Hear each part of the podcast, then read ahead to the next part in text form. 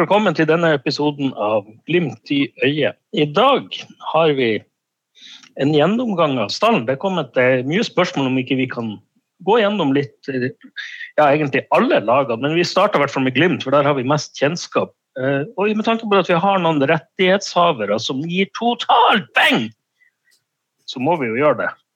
Det er jo helt fantastisk at vi har en rettighetshaver til norsk fotball som ikke har laga ett minutt innhold om serien, som starta ja, hva det er, tolv dager til. Da er vi ferdig med første runde. De har ikke sendt ett minutt. Så derfor går vi igjennom det her. Eh, vi gjør det på fritida. Det sitter folk som har betalt. Dette er jobben deres. Det er helt fantastisk. Jeg syns hele jævla Eurosport skal ta seg sammen. Ja, men vi er så heldige at vi har fått tilbake. Og da skal jeg starte med en liten velkomsthilsen. Jeg tror på Øystein Parelius, Bodøs enbårne sønn, vår Herre, som ble unnfanget på Sørlandet i 92. Pint under kamper i Obos, fikk korona, var død og begravet, for ned til dødsriket, sto opp eh, fra de døde 14. dag Kom opp fra senga, sitter ved Bjørn Einar, den allmektige Faders høyre hånd, skal derfra komme igjen for å rente levende og døde. Velkommen tilbake igjen, Øystein. Takk for det. Det, det er godt å, å, være ute av senga. skal Jeg si. Jeg ligger jo i senga fortsatt, som dere ser på kamera, dere to. Men uh, jeg er såpass i lag at jeg kan rive litt kjeft, og det, og det er fint. Ja, vi har jo mangla det litt sånn eh, Vi, vi følte at vi har mangla litt i de podkastene i det siste. Vi er veldig glad for å ha det tilbake igjen, og så har du fått litt tid når du har vært borte. Men det, det får du egentlig får du bare ta. Um, men vi er veldig glad for å ha det tilbake igjen. Og så har vi jo da selvfølgelig, når Øystein kommer inn, så er Jørn ute. Men han er ute på gyldig grunnlag. Gutta, hva er det han har gjort i dag? Han har vært på TV. Ja, han var ja. i går også. Jeg måtte jo kommentere at det så ut som at um, kameramannen har vært på Champs. For det, jeg ble svimmel av å se på det, det ene innslaget der. og Det var, det var høy kameraføring som enten en i Avisa Nordland eller en som har vært på Champs, har gjort. Det var, det var heftig. Eh, greit, vi har fått litt klager på lyden, men eh, vi overgår faktisk det, gutta. Ja, ja, men det er lyd og lyd, det får nå egentlig bare være. Men torsdag så, så var Jørn med å stifte eh, Norsk-ukrainsk venneforening. Og da er det jo at Ukraina trenger vår hjelp, akkurat og nå trenger de alt. De trenger mest av alt våpen, og Norge bør gi eh, Ukraina vårt lager på 500 eh, Javelin-tank eh, missiler nå skal ikke gå noe veldig mye inn på de her Javellen-missilene, men eh, Jørn har gjort en fantastisk jobb og har også da vært på eh, NRK TV i dag. og Derfor kan han heller ikke være med i dagens podkast, fordi mediatrykket er enormt. Og eh, Vi får jo egentlig bare gjøre sånn som vi har gjort nå, og knipse litt eller klappe litt for, for Jørn. og eh, Norsk-israelsk venneforening. Så um, Han har vært hos ambassaden i dag og eh, fått stifta den her. Så ja. Da har vi egentlig, som oppsummert, så er det da undertegnere PM, Øystein Parelius tilbake igjen og Bjørn Einar Østensen i studio. Og hva har vi på agendaen i dag? Det er jo litt spillefri, så hva er det vi skal tenke på? Det er jo, det er jo landslagspause. Det er jo ja, det, det føles som er veldig lenge til neste fotballkamp. Eh, vi skal gå gjennom stallen, spiller for spiller. Gi egentlig både hver enkelt spiller, posisjon kanskje, og lagdel en, eh, en karakter fra, på skalaen 1 til 10. Vi må snakke litt om eh, også videre om Botheim. Nå er det jo åpna opp for at Botheim og andre ikke-russiske spillere som har vært i Russland, nå kan spille europeiske turneringer. Ja, og Da kommer vi fort inn på Jim Solbakken, men vi skal snakke litt mer om hans eh, etternavnsbror Ola Solbakken. Han meldte forfall til, for, forfall til landslagssamling. Og så blir det litt om kampprogram. Vi har et vanvittig tøft kampprogram i april. Litt ja, det flytting. Sånn at Viking fikk det. Viking fikk jo plutselig også tøft. Ja, ja. Det, det er lett å se fliser i øyet på andre når du har en stokk som står tvers over. Så skal vi igjen fortelle litt eh, sannhets, sannhetens ord til rettighetshaverne. Ja, men det har vi jo kanskje tatt, har vi det? Nei, nei, nei, nei vet du hva, jeg syns ikke det er godt nok. Og norske journalister, vet du hva, det er sånn, jeg kan begynne der. Jeg tar den siste først. Jeg satt og okay. hørte på Ballspark, BT sin podkast. Nå skal de gjøre det eksklusivt for de som har abonnement på Bergens Tidende. Altså, tenk, der lager de faktisk en sinnssykt god fotballpodkast. Nei, den må vi gjøre eksklusiv. Kun til de som har abonnement der. Ikke det at de som er fotballinteresserte. Og jeg har jo faen ikke noe interesse av å lese om histen og pisten i Bergen. Er jo kun interessert hvordan det laget gjør det, og følger Vegard Leikvoll Moberg litt videre når han er gått der. Jeg bruker podkast som god underholdning når jeg sitter til og fra jobb med enten bil eller tog. Og nå skal de ta betalt for det. Drit og dra! Det er sånn som resten av journalistene i Norge, og spesielt Eurosport, rettighetshaverne og NRK, de lager faen ikke en forbanna dritt som er av interesse. Det er ikke rart at norsk fotball sliter i konkurranse med engelsk fotball når vi har så mye inkompetente ledelser i norske mediehus. Forbanna tullinger, ta dere sammen. Nå er jeg drittlei. Sånn, nå har jeg sagt det, og det er sånn. Jeg kommer sikkert til å rente det neste gang òg. Ja, men vi, vi, må fortsette å rente på det der. Er ikke du enig, Øystein? Jo da, jeg er jo enig i det han tar opp, han eh, Bjørn Einar. Og det er jo litt sånn eh, man, man, klager over at det ikke er nok blest rundt norsk fotball. Man klager over at det ikke er folk på stadion osv. osv. Men det er jævla vanskelig å bli interessert i noe når det ikke finnes noe i det hele tatt av stoff eller informasjon om noe. Det er sånn, det, var, det var nå i helga det var cup. Det var jo ikke en drit verken på nett eller på TV. Det var liksom bare de kun de spesielt interesserte som visste at det var cupkamp, liksom, og den vanlige mannen i gata. Jeg sa ah, hva, er, det, er det cup? Det, det, har ikke vi fått med oss. Nei, og det, det, det, er jo utrolig viktig. ikke sant? Altså, NRK som statskanalen har rettigheter og driter i å skrive nyheter. De har muligheter for å skrive for å eh, for å ha det i nyhetssendinger, sportssendinger osv., men det utelot uh, dem. Så, så, det var helt skandaløst, det her uh, opplegget her med, med uh, cupen.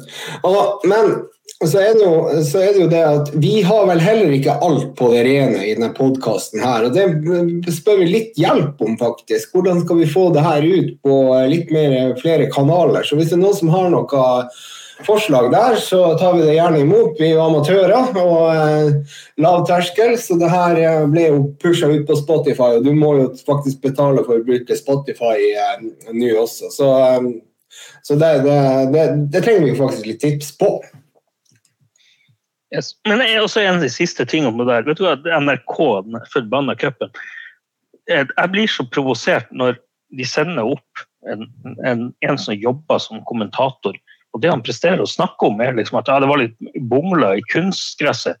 Uten å fortelle grunnen. Det tar meg to minutter å google at Glimt skal bytte kunstgress etter kampen mot Strømskose i slutten av mai.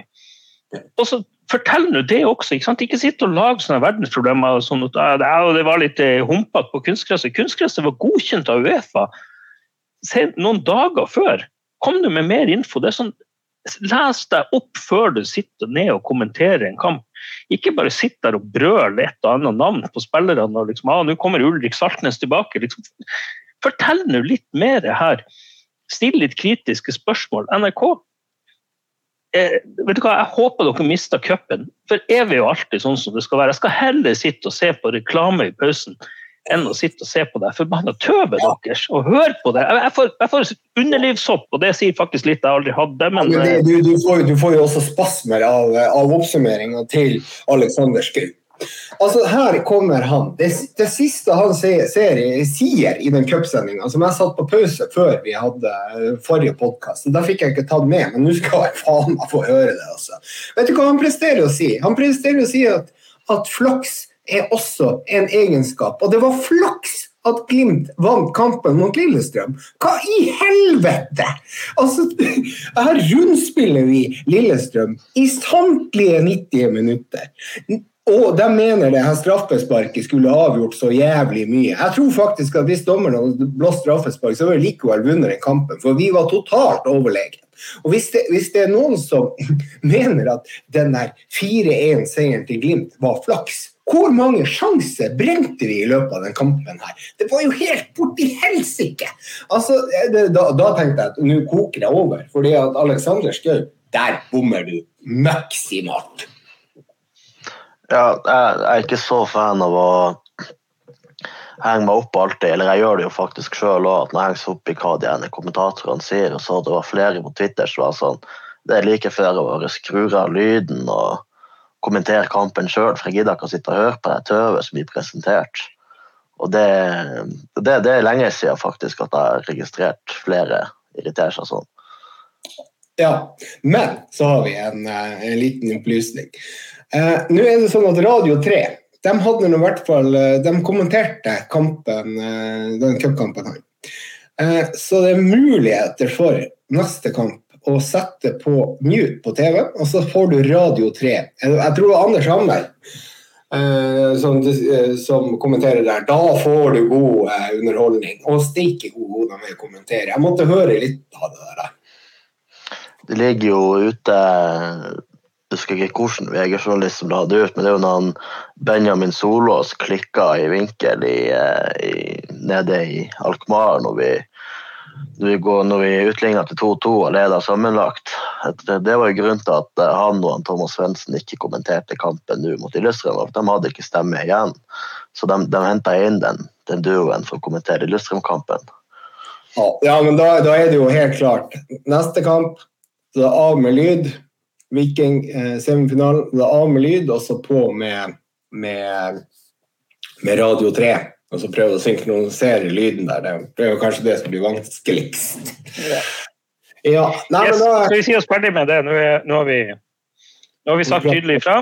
Håper de tar seg sammen og håper de begynner å bry seg litt om norsk fotball. og eh, Gjør litt sånn som NBA. NBA de tillater faktisk at man ja, sender alt og poster alt av klipp. og Det er liksom ja, fri, fri flyt for å skape interesse om produktet.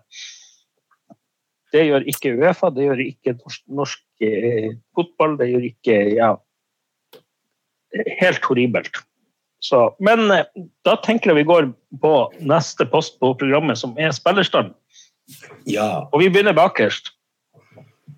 Uh, der har vi Begynner på keeper, da. Begynner på keeper. Ja, sånn. Skal vi begynne på haiken? Vi begynner med haiken og Smiths. Ja. Der er det jo uh, Nikita Haiken har jo en kontrakt som går ut 20, uh, eller, i desember. Uh, og der er det jo da spørsmålet Tror dere at han kommer til å bli? Klarer Glimt å lokke han til å bli i Glimt? det er jo egentlig altså jeg vil jo sånn Kvalitetsmessig så er han jo helt suveren. Jeg vil ikke heller ikke gi han faktisk eh, Hvis du ser på det Alkmaar-målet, så er det ikke hans feil heller. Han går ut der og blir unna og sånne ting, men, men det er jo egentlig Han hadde vært alene, han Pavlidis, uansett. Så bare for å ta den, da. Ja. Så, jeg, jeg, jeg, kan starte litt med Nikita Aiken. Eh, ja. Han, det, den han har virkelig tatt store steg i løpet av de, Siden han overtok, eller klarte å kapre plassen. For eh, det var jo sånn at Joshua Smiths var tiltenkt å være førstekeeper når han ble henta. Eh, Nikita Haiken har blitt Eliteseriens beste keeper. Uten tvil. Yeah. Eh, han er god med beina. Jeg syns han har blitt bedre i år. Det viste seg liksom selv når vi blir pressa høyt av Aset, så er han god med beina. Han har ro. Ja, han er kanskje litt nonsjalant av og til. Eh, men å ha en spillende keeper, det er det få forunt. Eh, jeg hører de fleste andre lagene klage over, andre supporterne klager over at de har keepere som ikke er gode med beina. Han er i tillegg ekstremt reaksjonssterk. Han er kanskje litt svak i feltarbeidet hvis de skal trekke han på noe, men allikevel. Vi har en fantastisk keeper. Jeg håper virkelig at Nikita Haiken forlenger med Glimt, fordi at vi skal ikke glemme at Nikita Haiken han har mye å takke Glimt for. Han har stort sett spilt førstelagsfotball i Glimt. Og som jeg sa i forrige podkast, jeg tror ikke Nikita Haiken kommer til å spille på et lag som får spille ute i Europa. Så mitt råd til Nikita Haiken er vær i Glimt, signer ny kontrakt, spill Europa og gå når den rette klubben kommer. Ja, absolutt. Uh, per Elis, har du noe mer å tilføye på, på Nikita? På, på kun Nikita eller keeperplassen generelt? Nei, tenker, tenker Nikita først. da. Så. Ja, nei, jeg syns uh, Bjørn Einar sier, uh, sier mye bra. Uh, har jo alltid vært reaksjonssterk og en god skuddstopper, men jeg syns han har blitt uh, ekstremt mye bedre med, med ball i beina. Jeg syns han uh, er blitt bedre i i felt. Og for min del uten tvil tippeligaens beste keeper sett under ett. Jeg, jeg, er jo litt sånn uenig med Bjørn Einar i at han har Jeg vet ikke. Hvor, hvor skal du sette lista på en keeper? ikke sant? Altså, jeg syns han er god på alle områder. og Jeg syns også det her med feltarbeidet, så er han jo desidert best i Eliteserien. Så det, det er Og ikke minst så er han jævla viktig for angrepsspillet. For at han kan eh, slå ball i pressa situasjoner, og vi slipper å slå den langt. Og det så vi, Hvis vi går over da, gradvis over på keeper nummer to, altså Joshua Smiths, så så vi jo han i, i uh, Spania, der hvor han spilte mot uh, Ja. Uh, var det, hvem var det han spilte mot? Han spilte mot Dynamo Kiev. Ja, ja, og i tillegg så spilte han en av de her Conference League-kampene. Eh, det var hjemme mot Celtic. Hjemme. Og der ser vi at feltarbeidet, der var det jo igjen et stort problem for, eh, for Joshua Smith. Han står på streken, og det skapes farlige situasjoner. I tillegg så slo han også lange baller når han kunne slått kort. Og det skapte litt trøbbel for Glimt i oppbygging av spillet. Ikke minst, altså, altså mister jo ballen hvis du slår den opp i blinde. Så så der har jo eh, Josh Smith en del å jobbe på, på de to tingene. Og det er utrolig viktig, i hvert fall det feltarbeidet. Eh, men eh, det er to viktige ting der. Ja. For å komme Smiths i, litt i forsvar, da, så er det noe helt annet å, å spille kamp imot et tent Celtic enn det å, å spille kun på trening med Glimt. Han har vel spilla Jeg vet ikke om han har spilla noe offisiell fotball i i 2021, nesten. Så det er jo er det Mjøndalen borte i 2020. Han miste, etter det så mister han plass igjen til Haiken. Så det er jo ja, La oss si at det er nå godt over et år siden sist han sto en offisiell kamp. Så syns jeg gjorde det, gjorde det veldig bra og løste ting egentlig helt greit. Ja, jeg syns også han gjorde det greit, men du, du ser forskjell. Eh, og det er så viktig å ha en keeper sånn som Glimt spiller, eh, og sånn som vi kommer til å bli tvunget til å spille med sannsynligvis at mange kommer til å prøve å kontre Glimt på Glimt. Glimt kommer til å ha mye ball i hjemlig serie, så det er viktig å ha en litt uredd keeper. Og der er Haiken definitivt best i serien. Han går ut, ja, av og til så bommer du sånn som han gjorde mot Aset, så ser det ekstremt klønete ut. Men, men, å ha en keeper som er trygg, og, som en sviper, egentlig, det, det, er undervurdert. Og i hvert fall sånn som Glimt også spiller, at man kan bruke han som en spillvenner og vende spillet via keeperen, og at han er pasningssikker. Det syns jeg vi så mot Lillestrøm. Han er ekstremt pasningssikker.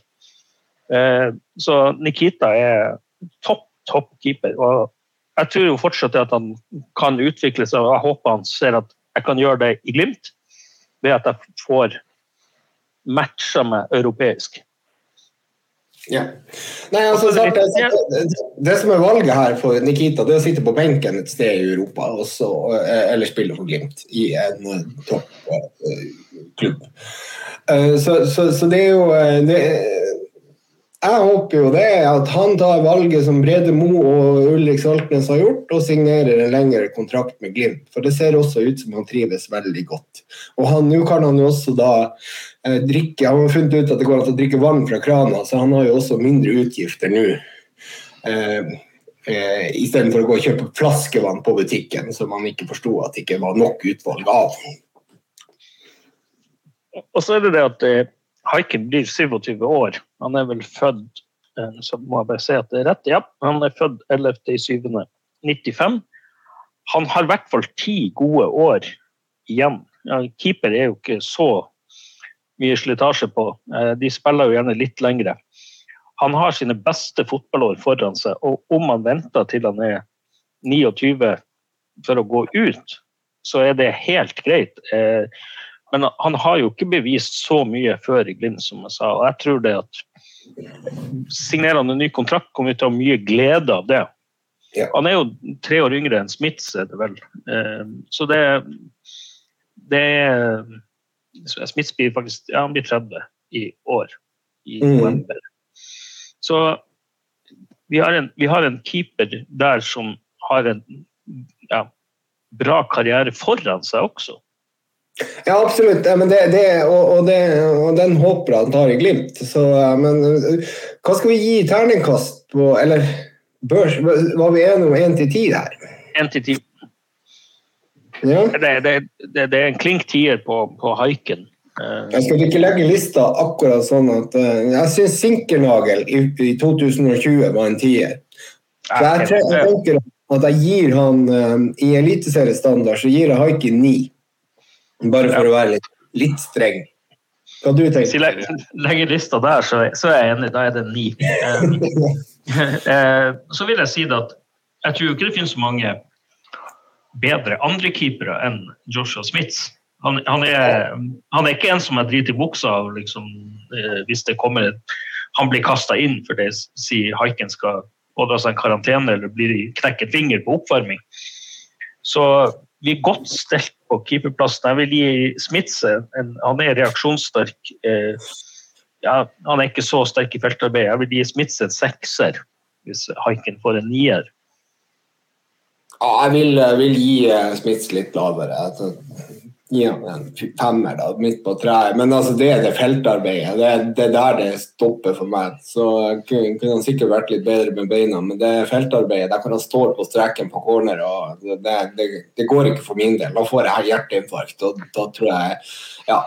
Så, så det er min mening på det. Beklager, Smiths, men uh, du får ikke noe mer enn fem fra meg. Hva du, Øystein? Nei uh jeg vil, jeg vil, jo egentlig si at Haiken er keeperens uh, sinkernagel i, uh, i Eliteserien og gir han en tier. Du gir en tier?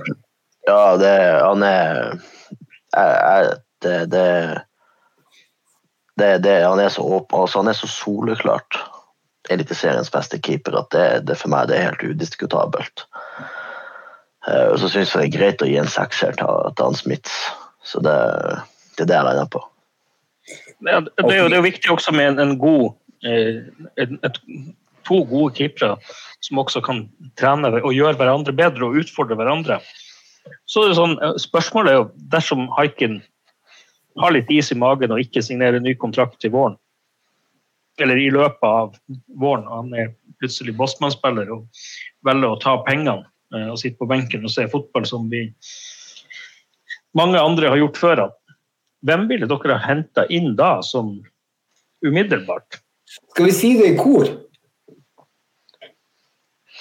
Egil Selvik. Selvik. Glimt har jo vært etter han, og han ville jo til Glimt, eh, men Odda nekta jo Odd å slippe han. Eh, ja.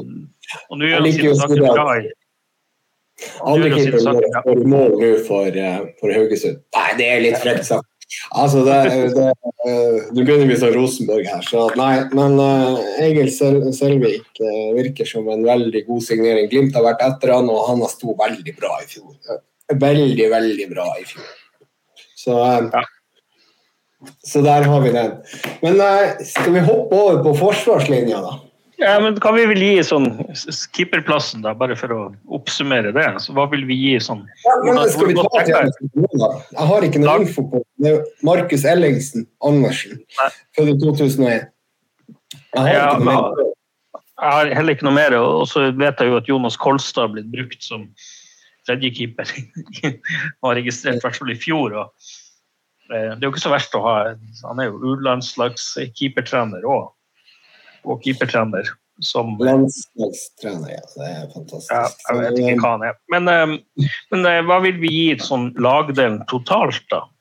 Keeper? Ja, nei, Altså, jeg ga jo, jeg ga jo ti og seks, så deler du på to, så er vi på, på åtte. Og så pluss én for at toppnivået er ikke det så bra, så gir ni.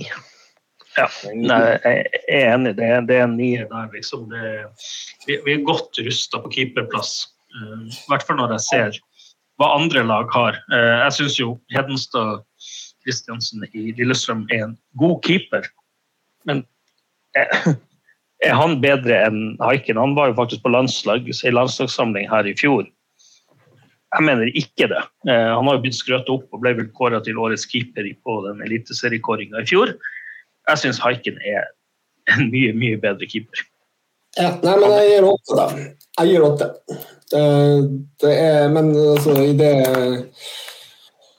Haiken er ute, så må vi til Haugesund og handle. Så, Ja. sånn er.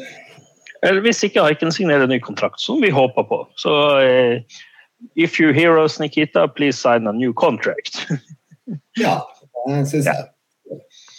Vi får ikke oversatt det her, så jeg vet ikke om du kan russisk. Øystein. Nei.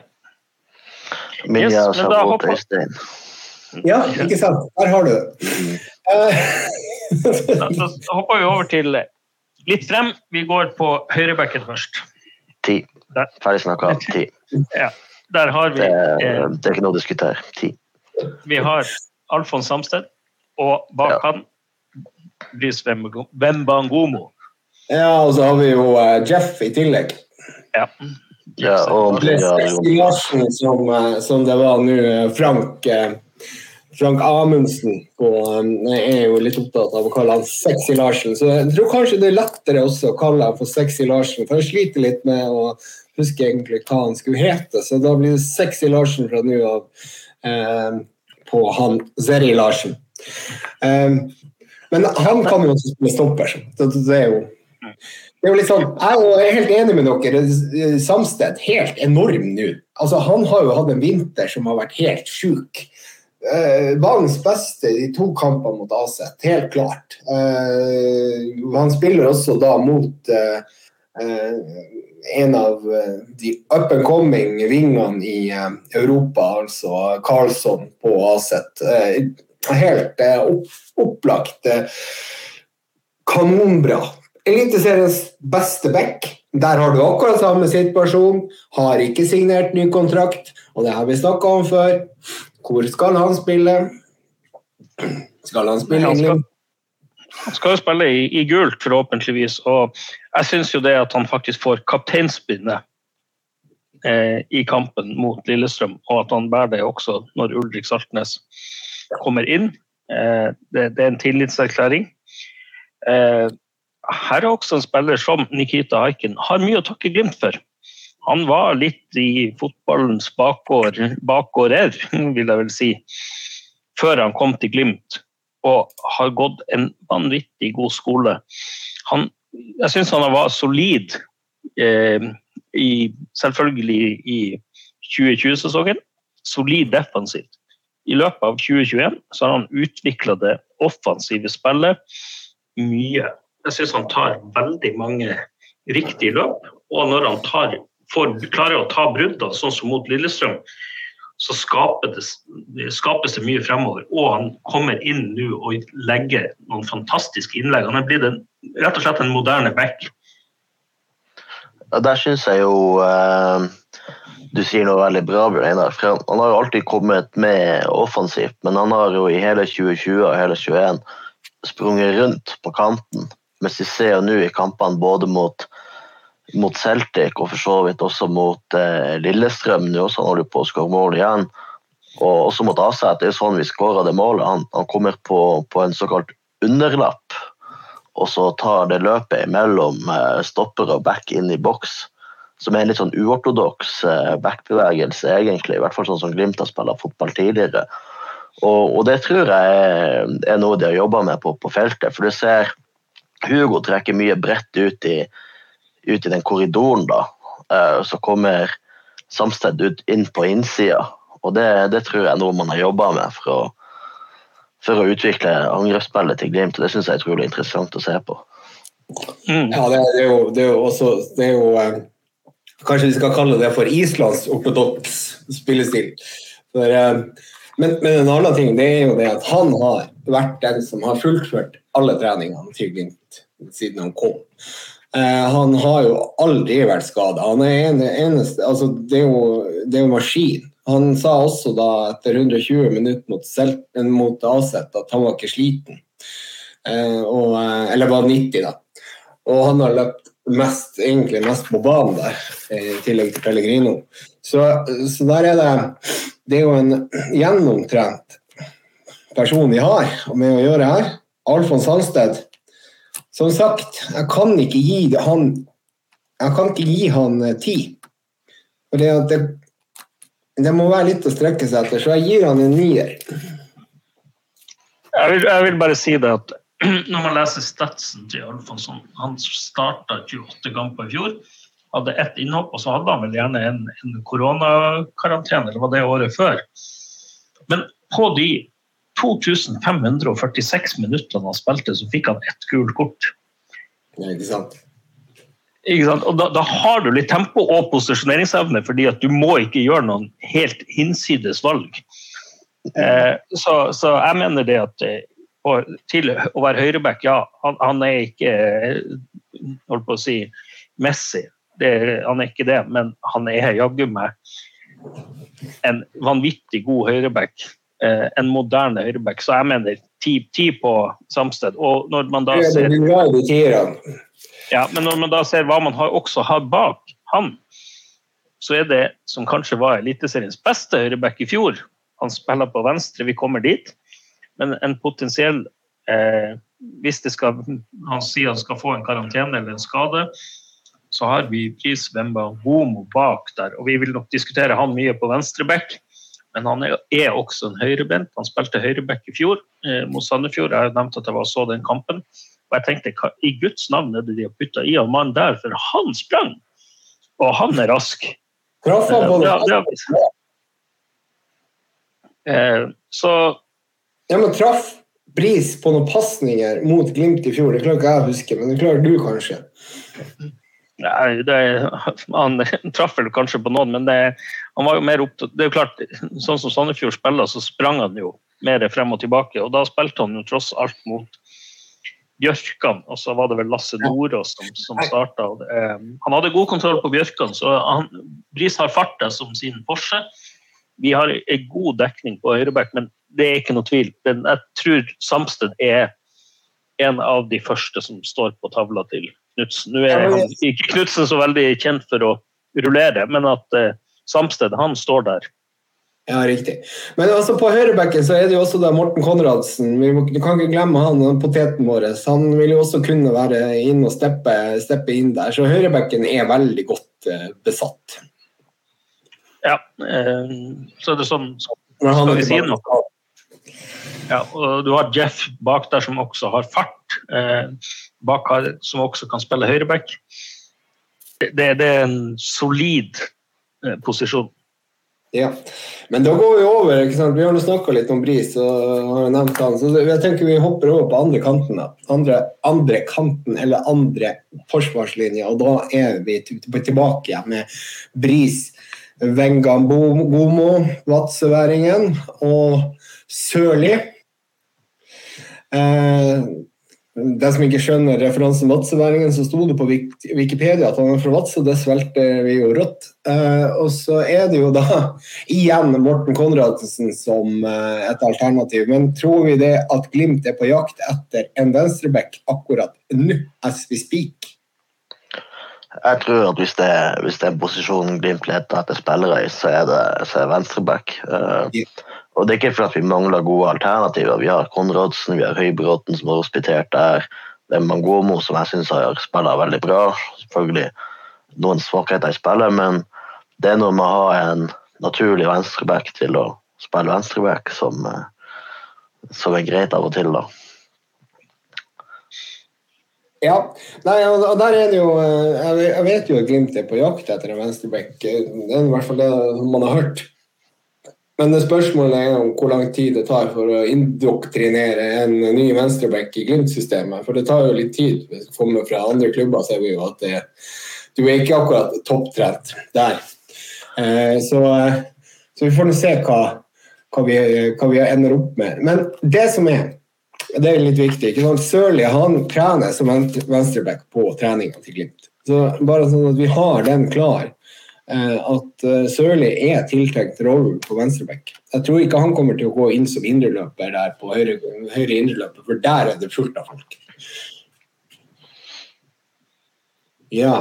Hva Nei, og Sørli er jo en eh, Vi fikk jo ikke sett så mye av han, men han jo, har jo en innleggsfot, en venstrefot, som er vanvittig bra. Så Sørli er jo faktisk som en nysignering, og regner egentlig. Eh, han, jeg husker ikke hvor mange kamper han fikk i fjor, det kan han for så vidt se på her. Men Sørli har en X-faktor med den innleggs, innleggsfoten sin. Eh, og den, det kan komme godt med som en venstreback. og det Sånn som Glimt også spiller, så er jo det en, posisjon der du får relativt frie tøyler til å gå i angrep og bruke den, den styrken en, en, god venstrefot er, da. Mm. Ja, og ikke til forkleinelse for KBK eller noe, men uh, vingrollen i KBK er ikke så ulik uh, backrollen i Bodø-Glimt.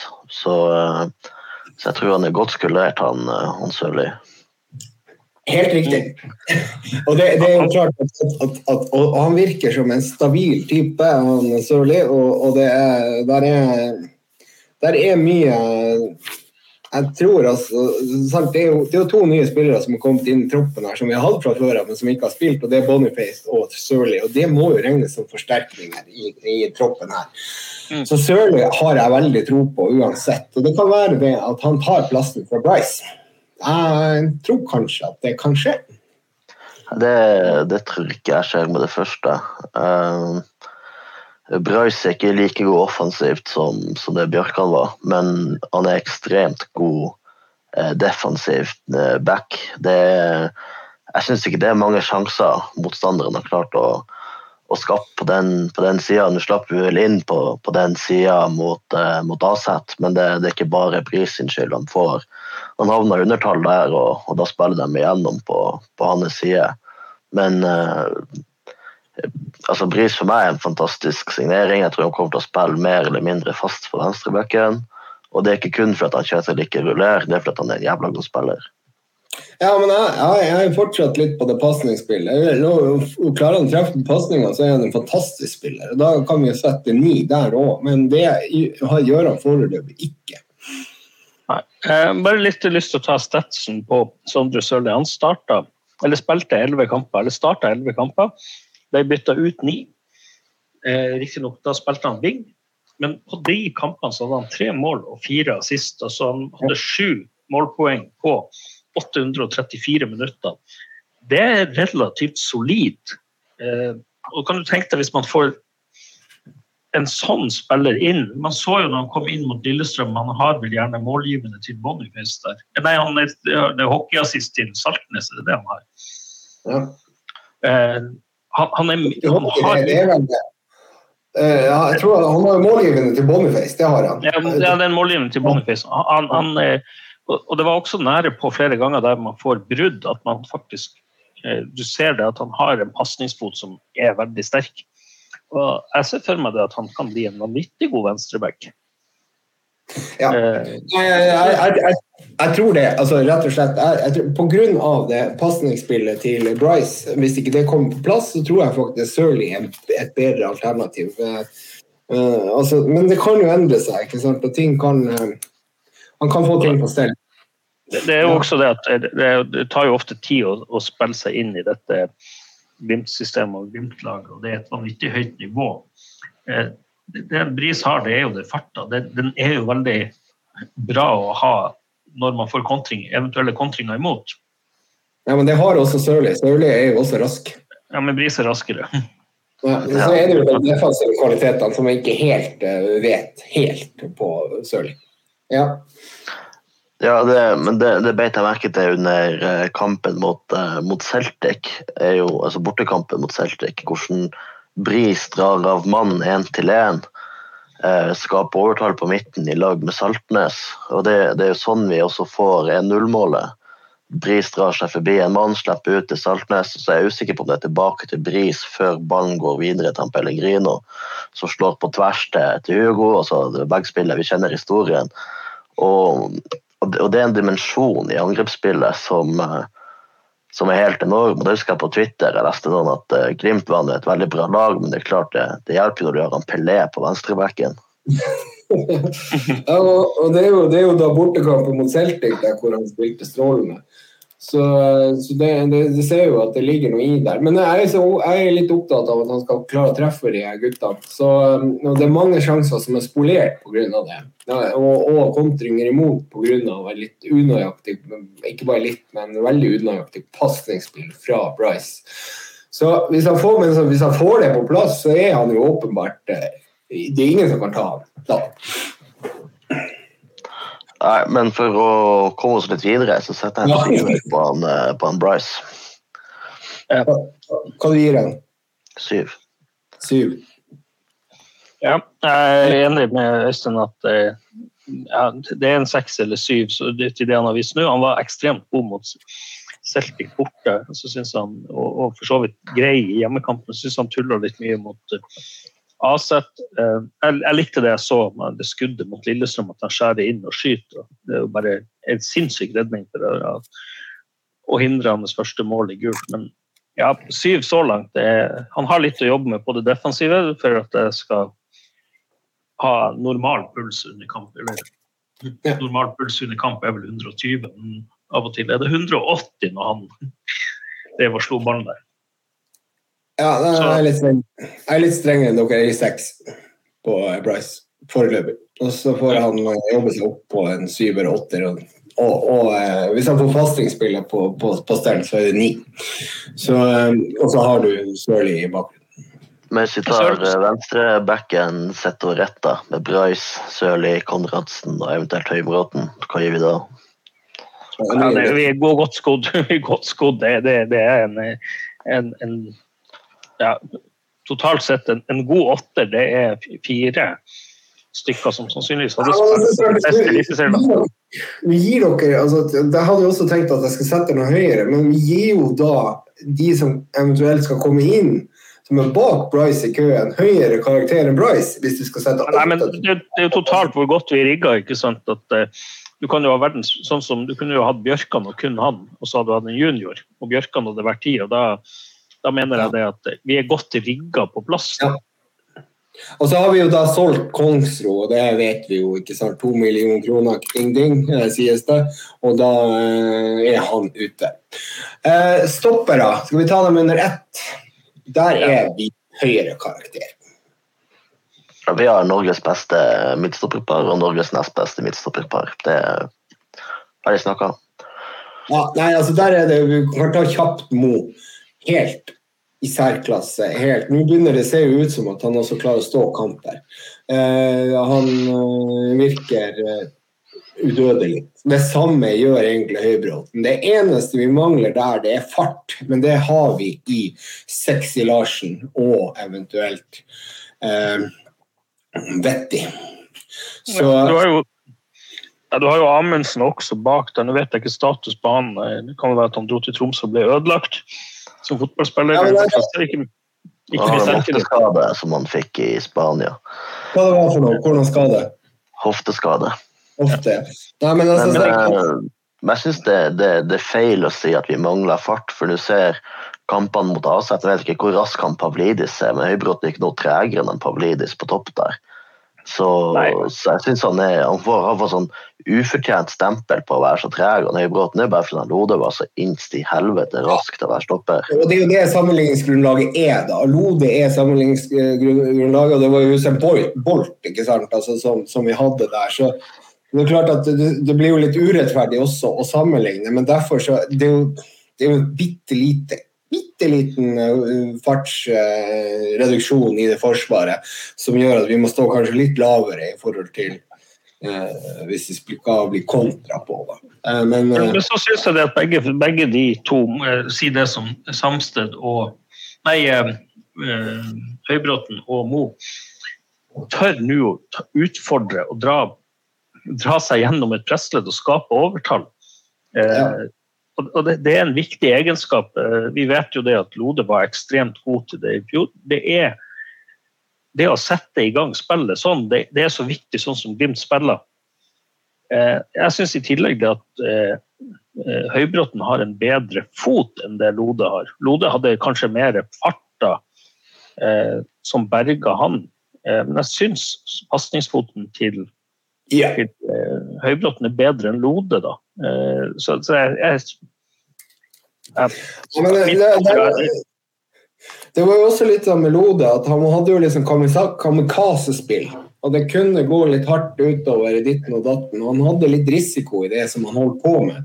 Så der føler jeg Høybråten er, er hakket hvassere akkurat der. Det som også er litt underkommunisert, er jo at i alle skadene til, til Lode og, og Mo, så er det faktisk Høybråten som har spilla eh, nesten Jeg vet ikke om han er den som spiller mest, men det er ikke langt unna at han er den midtstopperen som spiller mest minutter i 2020 og 2021 som stopper i Glimt. Mm. Ja, eh, og, og, så det er også som jeg vil gi Høybråten også sånn kudos for, er jo det at han er en vinnerskalle.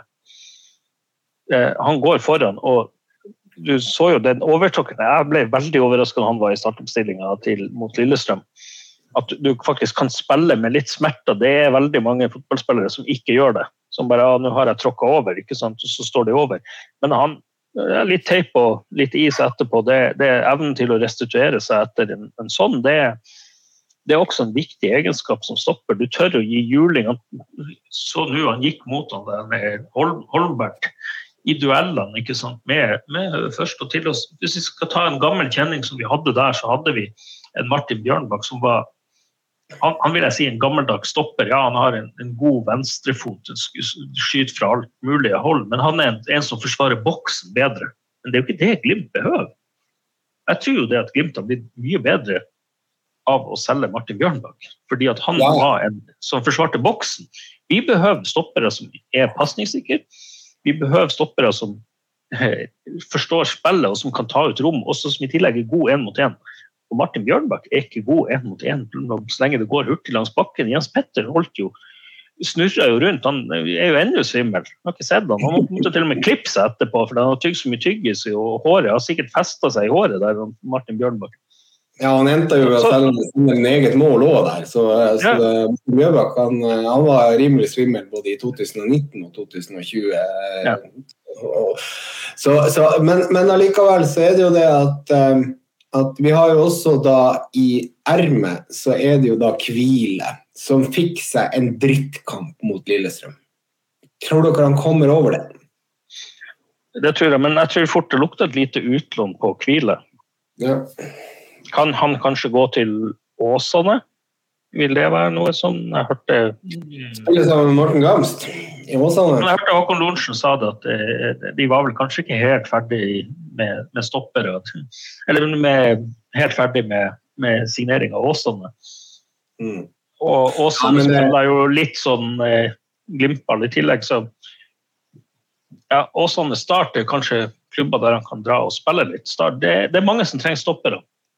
Ja, Nei, men altså Kvile er jo også Han har jo visst det i uh, mange situasjoner han kommer inn og gjør en kanonkamp mot Aset etter at Høybråten må av. Så, så, der er det jo uh, Det var kanskje litt høye skuldre på, mot Lillestrøm der. Jeg, vet ikke helt hva som skjedde, men det var det var jo tendenser til jækla gode pasninger, men det var jo akkurat de her avgjørende situasjonene der hvor han mister litt. Så, så der eh, Ja, han måtte jo ut også. Så det, det, har jo vært en sånn tendens til at Kongsro hadde jo også en kamp der han kom inn, og så så vi aldri mer, noe mer til ham før han solgte HamKam.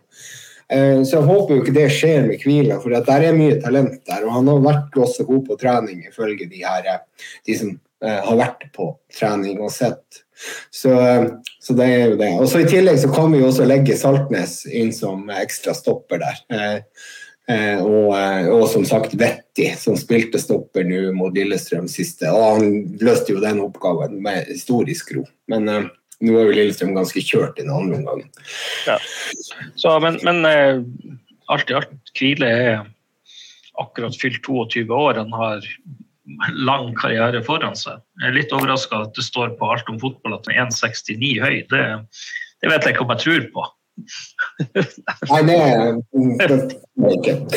Men nå, eh, gutta, da skal vi ta da poeng på hver enkelt stopper. Øystein, du først, kanskje. Ja, skal vi begynne med Brede Mo, så gir jeg en tier. Ja. Og så kan du ta, kan du ta Høybråten også når du først er i gang. Ja, da gir jeg ni. Ni. Bjørn Einar jeg mener Brede Moe han er, han er jo sniffa på en, en tier. Uh, hadde han vært litt mer temposterk, så skulle han ha fått ti. Men han får ni. Så altså gir jeg Høybråten det samme. Men så mener jeg også at nå tar jeg har ikke sett så mye til uh, Jeff. Jeg har hørt veldig mye om han. Så litt av Brann i fjor. Han, han fort, kan nok fort bli en, en nier, han òg, men han er, har for lite grunnlag til å vurdere han som egentlig Amundsen er nok sikkert en solid sekser. Eh, vi, har, vi er godt rigga på den, den stopperplassen. Eh, jeg mener det, det er kanskje det er en styrke å ha fire gode stoppere. Det kommer til å bli litt slitasje, og det er mange kamper som skal spilles. Og det at vi faktisk har spillere som kan gå inn der og at man kan gå, sitte litt rolig i sofaen. Eh, jeg tror det er mange, i hvert fall når man vet stå rundt i de andre eliteserieklubbene, det er mange som skulle ha hatt de stopperne vi har. På benken? Eh, ja, de vi har på benken, er det mange som ville ha hatt. Eh, og det er jo Jeg, jeg gir Mo og Høybråten ni. De har bevisst veldig. Jeff kan jeg ikke gi noe ennå. Jeg, så han litt, han hadde jo vanvittig driv fremover, så jeg vet ikke, liksom ikke helt hvor du skal sette han hen. Eh, og Kvile og Amundsen, eh, der vil det jo også være litt eh, Kvile har vi sett litt fra, og jeg vil jo gi han en sekser der. Eh, Amundsen så jeg på i treningskamp i LSK-hallen, og der var han steike god. Men så har han vært i Tromsø, så da kan man jo bli dårligere som, som fotballspiller. Og da velger å stå over den og uh, la han få bevise det han kan. Så, den er solid rigga, solid rigga der, så totalt så er det sånn det, det, er en lagdel jeg vil, vil, gi. Og Da er det jo da Forsvaret. Hva, hva skal vi gi det, da? Totalt? Det, det, det, som er, det Jeg vil gi Forsvaret en, en nier totalt, og det som trekker ned venstrebekken. Altså, men også med tanke på den bredden vi har der, og alternativene vi har. Eh, det er mange som kan gå inn og spille der. Eh, og jeg tror det er en takknemlig oppgave for spillerne. Det er mange som sikkert ønsker seg til Glimt også, for det er en takknemlig klubb å spille forsvar for. Du får faktisk spille ball, du får ikke ligge og måtte pole ballen. Liksom. Vi kunne ikke hatt en Runar Hove eller en Pallesen Knutsen eller en eh, ja, Sheriff Sinjan eller Martin Bjørnbakk for den saks skyld. Eh, boksforsvarere kunne ikke vi ha hatt. Vi må ha spillere som er spillende, midtstoppere spillende. Vi må ha backer som er offensive, moderne backer. Det det er en solid lagdel. Absolutt. Hva du gir Forsvaret totalt, eh, Øystein? Nei, det er vanskelig å være eh, uenig med han Bjørn Einar. Så en, en åtter, det høres rettferdig ut. Ja, nei, jeg gir uh, åtter. Sa du ja, Jeg sa ni. Ja, ja, men da, da, er det ni. Det, det, henger ikke helt med Fortsatt sengeliggende. Jeg gir Forsvaret en åtter. Eh, Så har vi litt å strekke oss etter og trekker ned venstreback. Eh, Så da får vi se hva som skjer etter hvert. Kanskje den biter meg i ræva etter hvert. Men så er det jo over til midtbaneleddet. Og eh, hva skal vi ta da? Vi- går på sentralt. Ja, sekserrollen. Eh, så tror jeg det at her har vi eh, vi, skal erstatte Eliteseriens beste spiller eh, 2021, og jeg vil si 2020 òg. Patrick Berg. er det, det store sko som skal fylles. Eh, Husk på at der, ligger- der ligger tieren. Før dere begynner å gi Ja. noe Nei, jeg er enig i det. Også er det eh, men vi er godt rigga. Vi har en eh, Elias Hagen der. Eh, spennende spiller.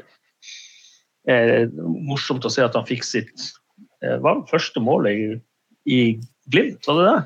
Nei, det var- Jeg tror Han skåra før. Han skåra i hvert fall i treningskamp. Ja, ja, men sånn offisiell eh, så tror jeg det kanskje var første.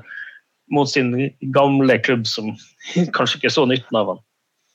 Og så har vi en Gaute Vetti bak der som jeg må si jeg ble vanvittig imponert over den ballbehandlinga hans og eh, ja, hvordan han overblikket, pasningsfot, alt sammen. Men, men det der har også Elias Hagen. Jeg tror vi har to stykker som er omtrent like gode. Ja.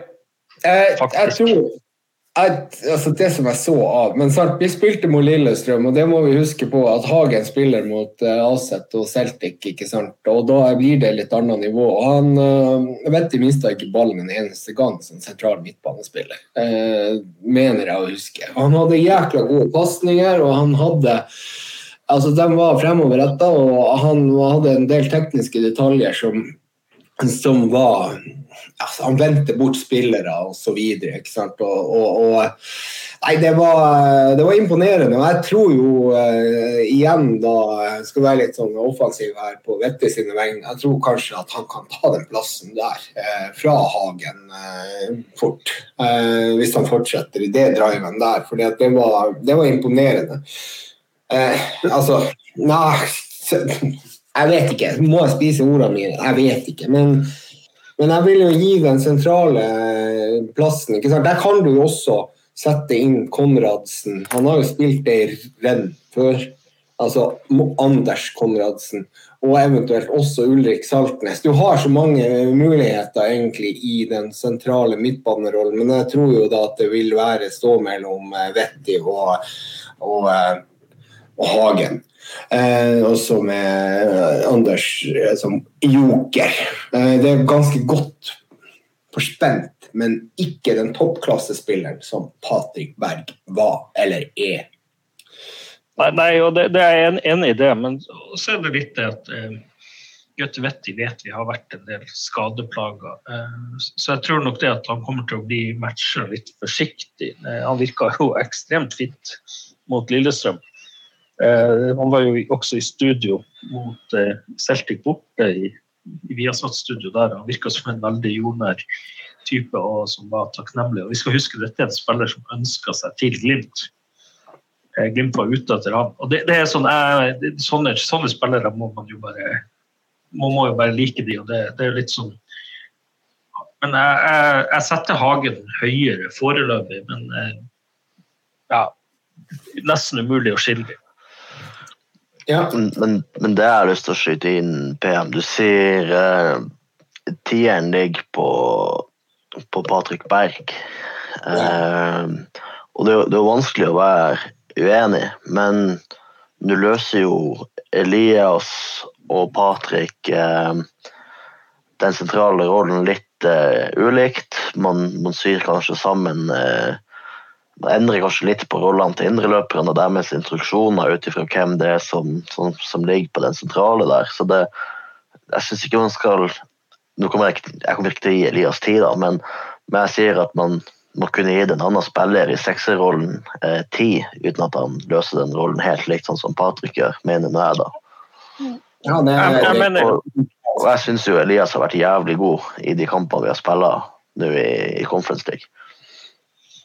Jeg vil bare tilføye, jeg er veldig enig i det. og Det som er, det er også to helt forskjellige typer. Patrick Berg hadde en rapphet i beina til, og til å liksom forsvare seg og snappe ballen fra. Han sa jo det at man syntes det var morsomt å forsvare seg og liksom å stjele ballen. og være en ja, Den ser som man kjenner sånn skjold, sekserrollen som skjold foran, foran midtstopperne.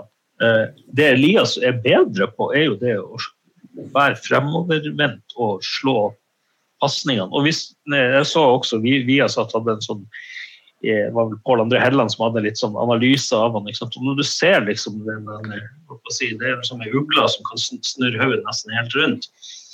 Hvordan han orienterer seg både før og etter. Eh, og det målet borte mot Celtic, når han blir spilt opp feilvendt, ser Hugo, slår pasninger. Det, det, er jeg usikker på om Patrick Berg ville ha gjort. Så han, jeg syns han løser det godt. og jeg mener Det at... Altså, det, det, som, det, som, jeg er opptatt av her, i forhold til Patrick Berg Patrick Berg er, de er to forskjellige spillere, ja. Men eh, Hagen har en tendens til å miste ballen i de posisjonene der Patrick Berg tok den med seg med største selvfølgelighet. Jeg syns jeg så litt mer av det hos Vetti mot Lillestrøm. Men som sagt, en helt annen motstander enn eh, en Hagen har, har, spilt mot i Aset og, og, eh, og uh, Celtic. Så jeg tror jeg kommer til ikke han pga. ballmist og uh, ikke helt den roen uh, på det.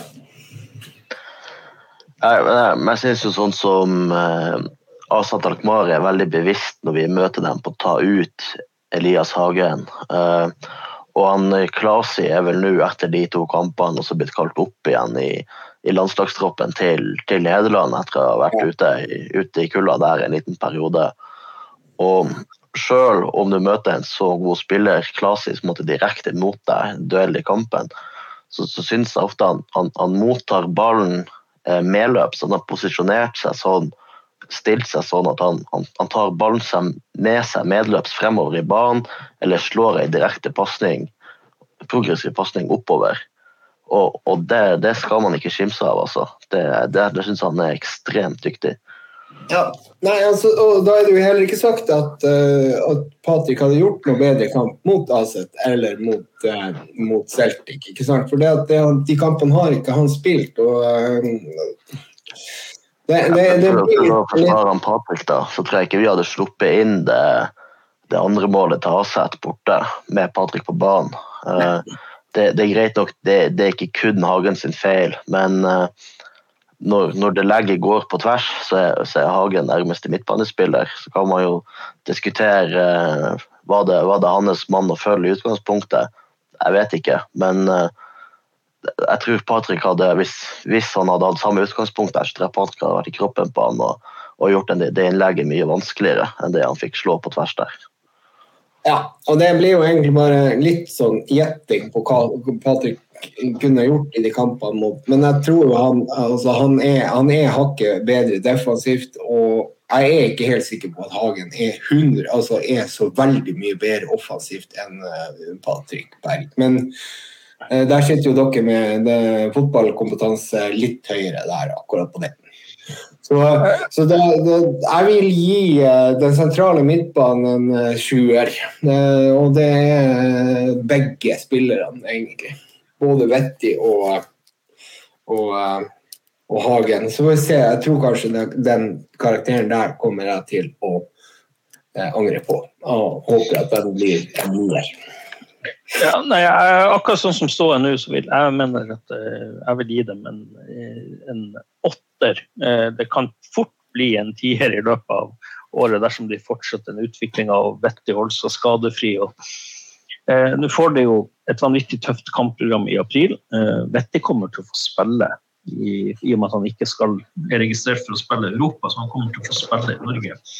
Og blir nok matcha for, forsiktig, men eh, jeg tror Hagen er klink førstevalg. Eh, ja. Så hvor mange kan dere rekommendere det? Det var åtte der på uh, Bjørn På, uh, ja, ja. ja, jeg tror jeg gir åtte. Og...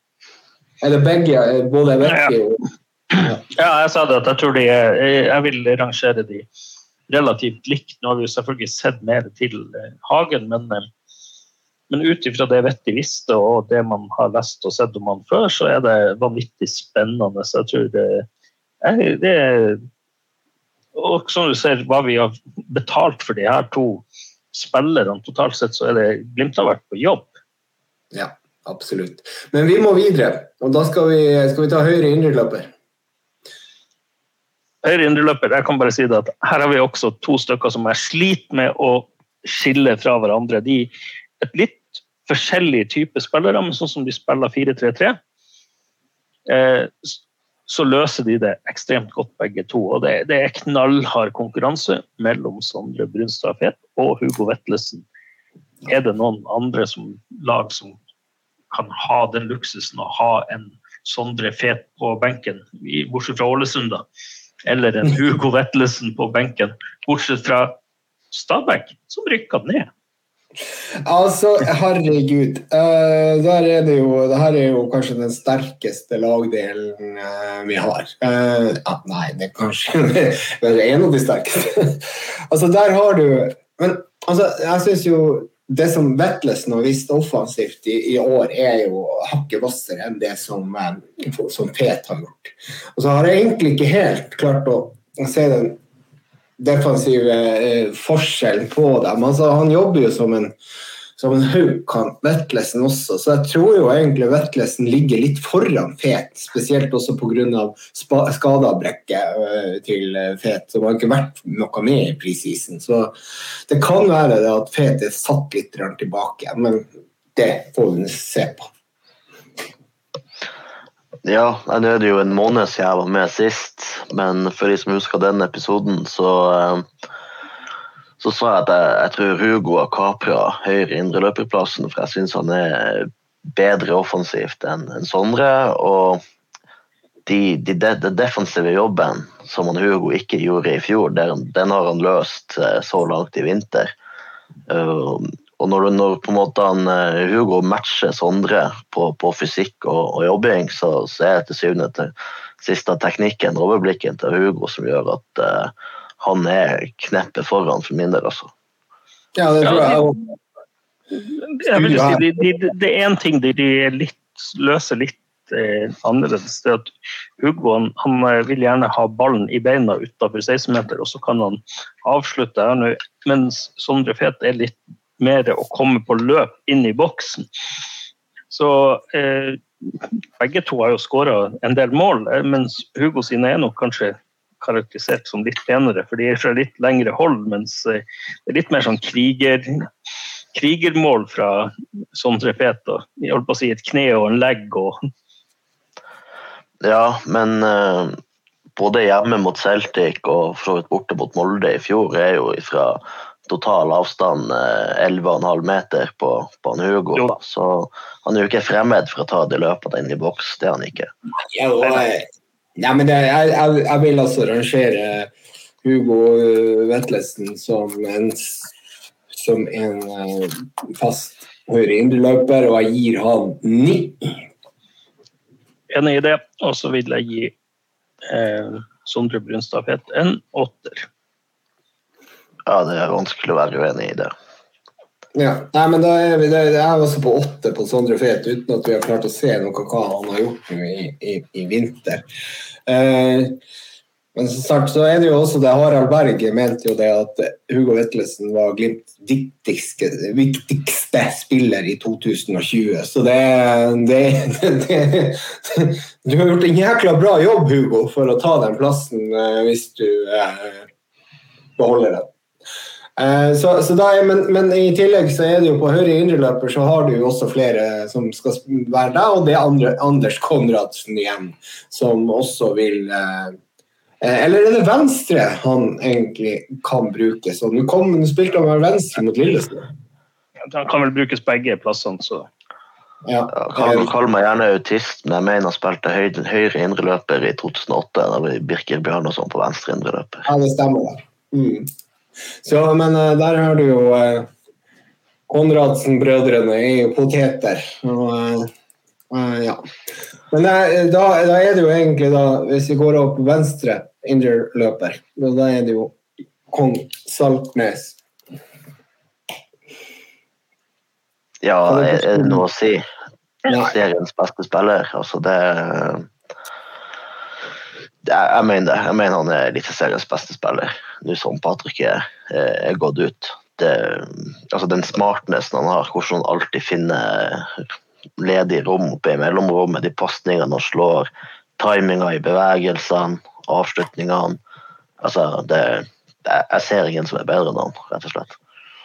Nei, jeg må si jeg sliter også med det. Nå selvfølgelig tidlig, men det, det er liksom en bedømming av Vi, vi må gjøre jobben. Han, han er klink tier. Det, det, med utropstegn bak, altså.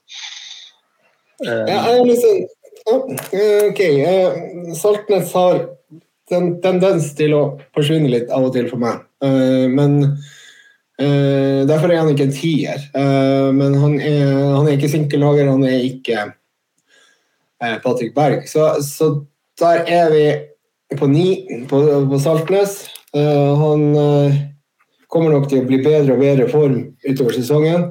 Så det kan nok godt være at det blir en tier også der på Saltnes. Og så er det jo da Anders Konradsen i backup. Eh, og det er jo et sinnssykt bra team, for å si det sånn. Så jeg gir jo den venstre indreløperplassen en total nier eh, også. Men jeg lurer jo på hva som trekker ned på Saltnes hos deg. Det, Nei, Jeg syns han forsvinner litt av og til, også, men det har vært i prisisen nå. Eh, Men du må ha noe å gå på. Uh, Ulrik, Ulrik må ha noe å gå på. Han kan ikke få en tier sånn på, på servert. Det skal man få etter sesongen. Uh, så så, så det, det, det kan han få hvis han skårer 14 mål. Akkurat samme som han har på drakta si. Så da skal han få tieren fra meg. Det skal henge litt høyt, en tier, gutta. Det skal henge litt høyt. Nier er jævlig bra. Det er ekstremt bra. Så, Men det er liksom, når du tenker, tenker liksom, i, I fjor så spilte han 23 kamper. Han eh, fikk, hadde 11 målpoeng fra venstre indreløper. Det er, det er rimelig, rimelig godt. Han spilte 1900 minutter. Det var jo sånn, Eurosport sa jo det, det var jo Jesus som hadde stått opp fra de døde, liksom der, som du sang om Parelius når han var til, plutselig tilbake mot Rosenborg. Eh, også en spiller som han er talisman i dette laget. Han pådrar seg eh, aldri ute med karantene. Han hadde to gule kort var det vel i 2020, og da hadde han totalt 25 målpoeng. En spiller fra midtbaneposisjon som produserer det antallet mål og målpoeng. Det totalt sett det, det, det er vanskelig å gi noe annet. Eh, Så har jeg lyst til å si jeg syns det er spennende med Anders Konradsen tilbake. Det er en mann på 31 år. Og så hører jeg liksom det at ja, da er man fotballpensjonist. Og det syns jeg vi glemmer Runar Berg. Vi glemmer litt Ørjan Berg nå. Skal ikke snakke så mye om Ørjan. Ikke sant? Glemme, ja, Nå fikk jeg aldri se Dutte Berg. Han la opp, la opp før, før min tid, men spillere som presterer til de er 40 med eh, Jeg tror fort Anders Konradsen kan ha fire-fem gode år, sånn som Glimt spiller nå. Du får spille ball, du, det er ikke mye dueller, kriging eh, Ja. der. Du kan, du kan fort ha mye, ma, mye, mange gode fotballår fra fylte 31, altså. Men det var litt interessant å se det der. Han takka jo nei faktisk til New York Red Bulls og, eh, og eh, Jan Halvor. Eh, Nei, Ronny Deila. Ronny Deila, mener jeg. Herregud. Og, og, da, og, og da var det jo egentlig det at han hadde lyst til å lære. Han hadde, det var familiesituasjonen og den biten der, men det, han hadde lyst til å lære. Og, og um, det må jo svi litt i Trondheim igjen. Uh, at, uh, at Anders Konradsen kommer til Bodø-Glimt for å lære. Uh, og han har jo også kjent trøkket på trening. Og har, eh, han har klart å henge med, men det har vært, eh, vært hengt i stroppene, hengt i tauene, som man sier. Og eh, når han er på plass, så kan det være det at han også er en utfordrer til en startplass på en av de tre midtbaneplassene vi har snakka om nå. Så han vil jo, være, vil jo være absolutt en spiller å regne med. Jeg tror han kommer til å få en del minutter i løpet av 2022-sesongen. Så eh, det er en glede å gi midtbanen ni totalt fra meg.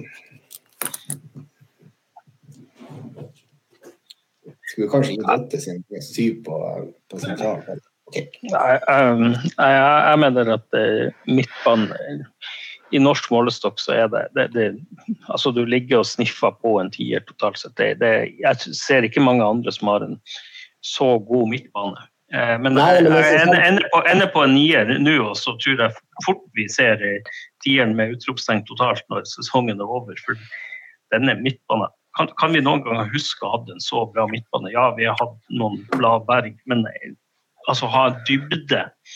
Dybden. Eh, Dybden Men oh, oh, oh, vi har jo glemt en spiller. Det er jo for Ja. pokker meg Sjøvold. Eh, der skal jeg ta en liten greie, og det har vi jo eh, snakka om, om tidligere, men vi må ta den en gang til. Altså, det var, det var på La Manga, så, eh, nei, på La Manga i Spania. Jeg husker ikke hvor det var på treningsleir. Første treningsleir. Så, hadde, så var det noen, ja, noen som hadde stått og fulgt med på treningene til Glimt.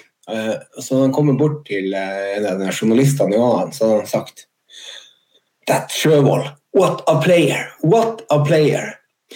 Og eh, Der har du en unggutt som kommer fra Tiller og spiller tredjedivisjon og tar nivået til Glimt og holder treningene. Men det er jo da som sagt veldig tidlig i sesongen. Trond Olsen nevnte litt det her at du har ungguttene som tar tak i de tidlige sesongene, og så kommer de eldre etter hvert. Men der så jeg jo også hva, hva de mente når han kom inn mot eh, eh, Dynamo Kiev. Eh, og da Det var jo en utrolig smart spiller. Han kom seg unna duellene på en utrolig god måte. Han, han skjerma ballen på, eh, på det roligste vis og var helt suveren. Og Der har du en utfordrer også på de midtbaneplassene. og det, Han kan vel også spille i både indreløper og sentralt. Så fytte grisen for, for en dybde. Og da forsvarer vi nieren på den midtbanen. Ferdig. Bare, bare for å skyte inn der, jeg gir også midtbanen vår en, en nier. Men hvis vi tar eh, andre, andre rekka da på, på midtbanen Hvilke andre lag i Eliteserien hadde takka nei til å kunne spille 4-3-3 med Sondre Brunstad Fet, Gaute Vetti og Anders Konradsen på midten? Ja, det er jo sterk eh, Det, det er en utfordrer til å, å vinne Eliteserien, og det er vår andre rekke på midten. Det kan du faktisk gjøre. Ah, det er jo Nei, det det er faktisk helt eh, Tenk å sitte og snakke om det! For en tid vi lever i. Nei, vi, vi, det er nesten sånn at jeg har lyst til å hive den midtbanen opp på tieren. Men eh, ok, greit, det blir ni fra meg da, men, eh, men jeg har så troa på, på den her Sjøvold-gutten også. Det eh, var? Ja, det var Sjøvold. Eh, og så Og da er vi kommet til angrepet. Hva har dere lyst til å begynne med?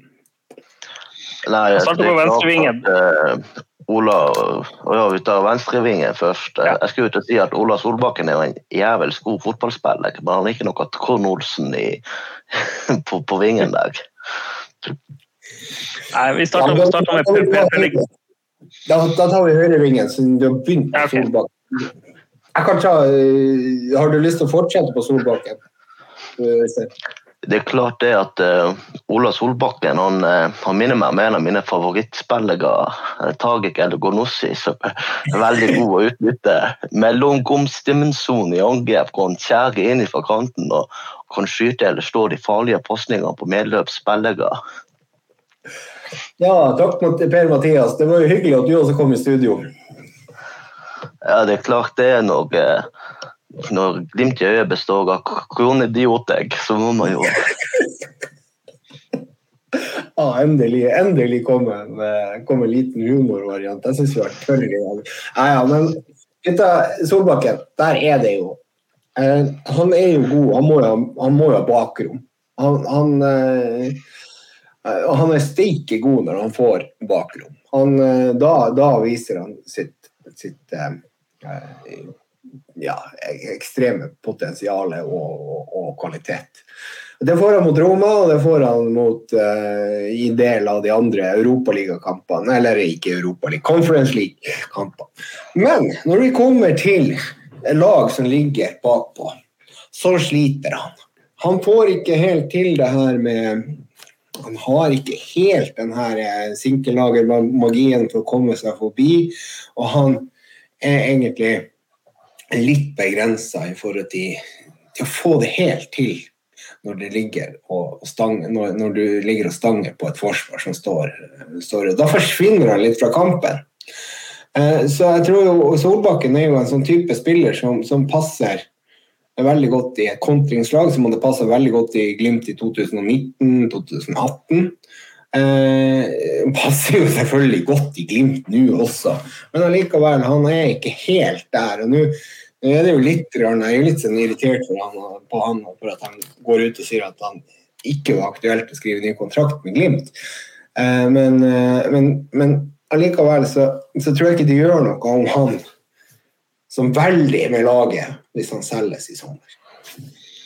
Jeg må jo si at jeg er veldig fan av Ola Solbakken. men jeg syns han har tatt veldig mange store steg. Eh, syvmilssteg. Men han besitter en X-faktor som få andre vinger gjør med den fysikken han har. Han er farta, det er ingen som matcher ham på farta.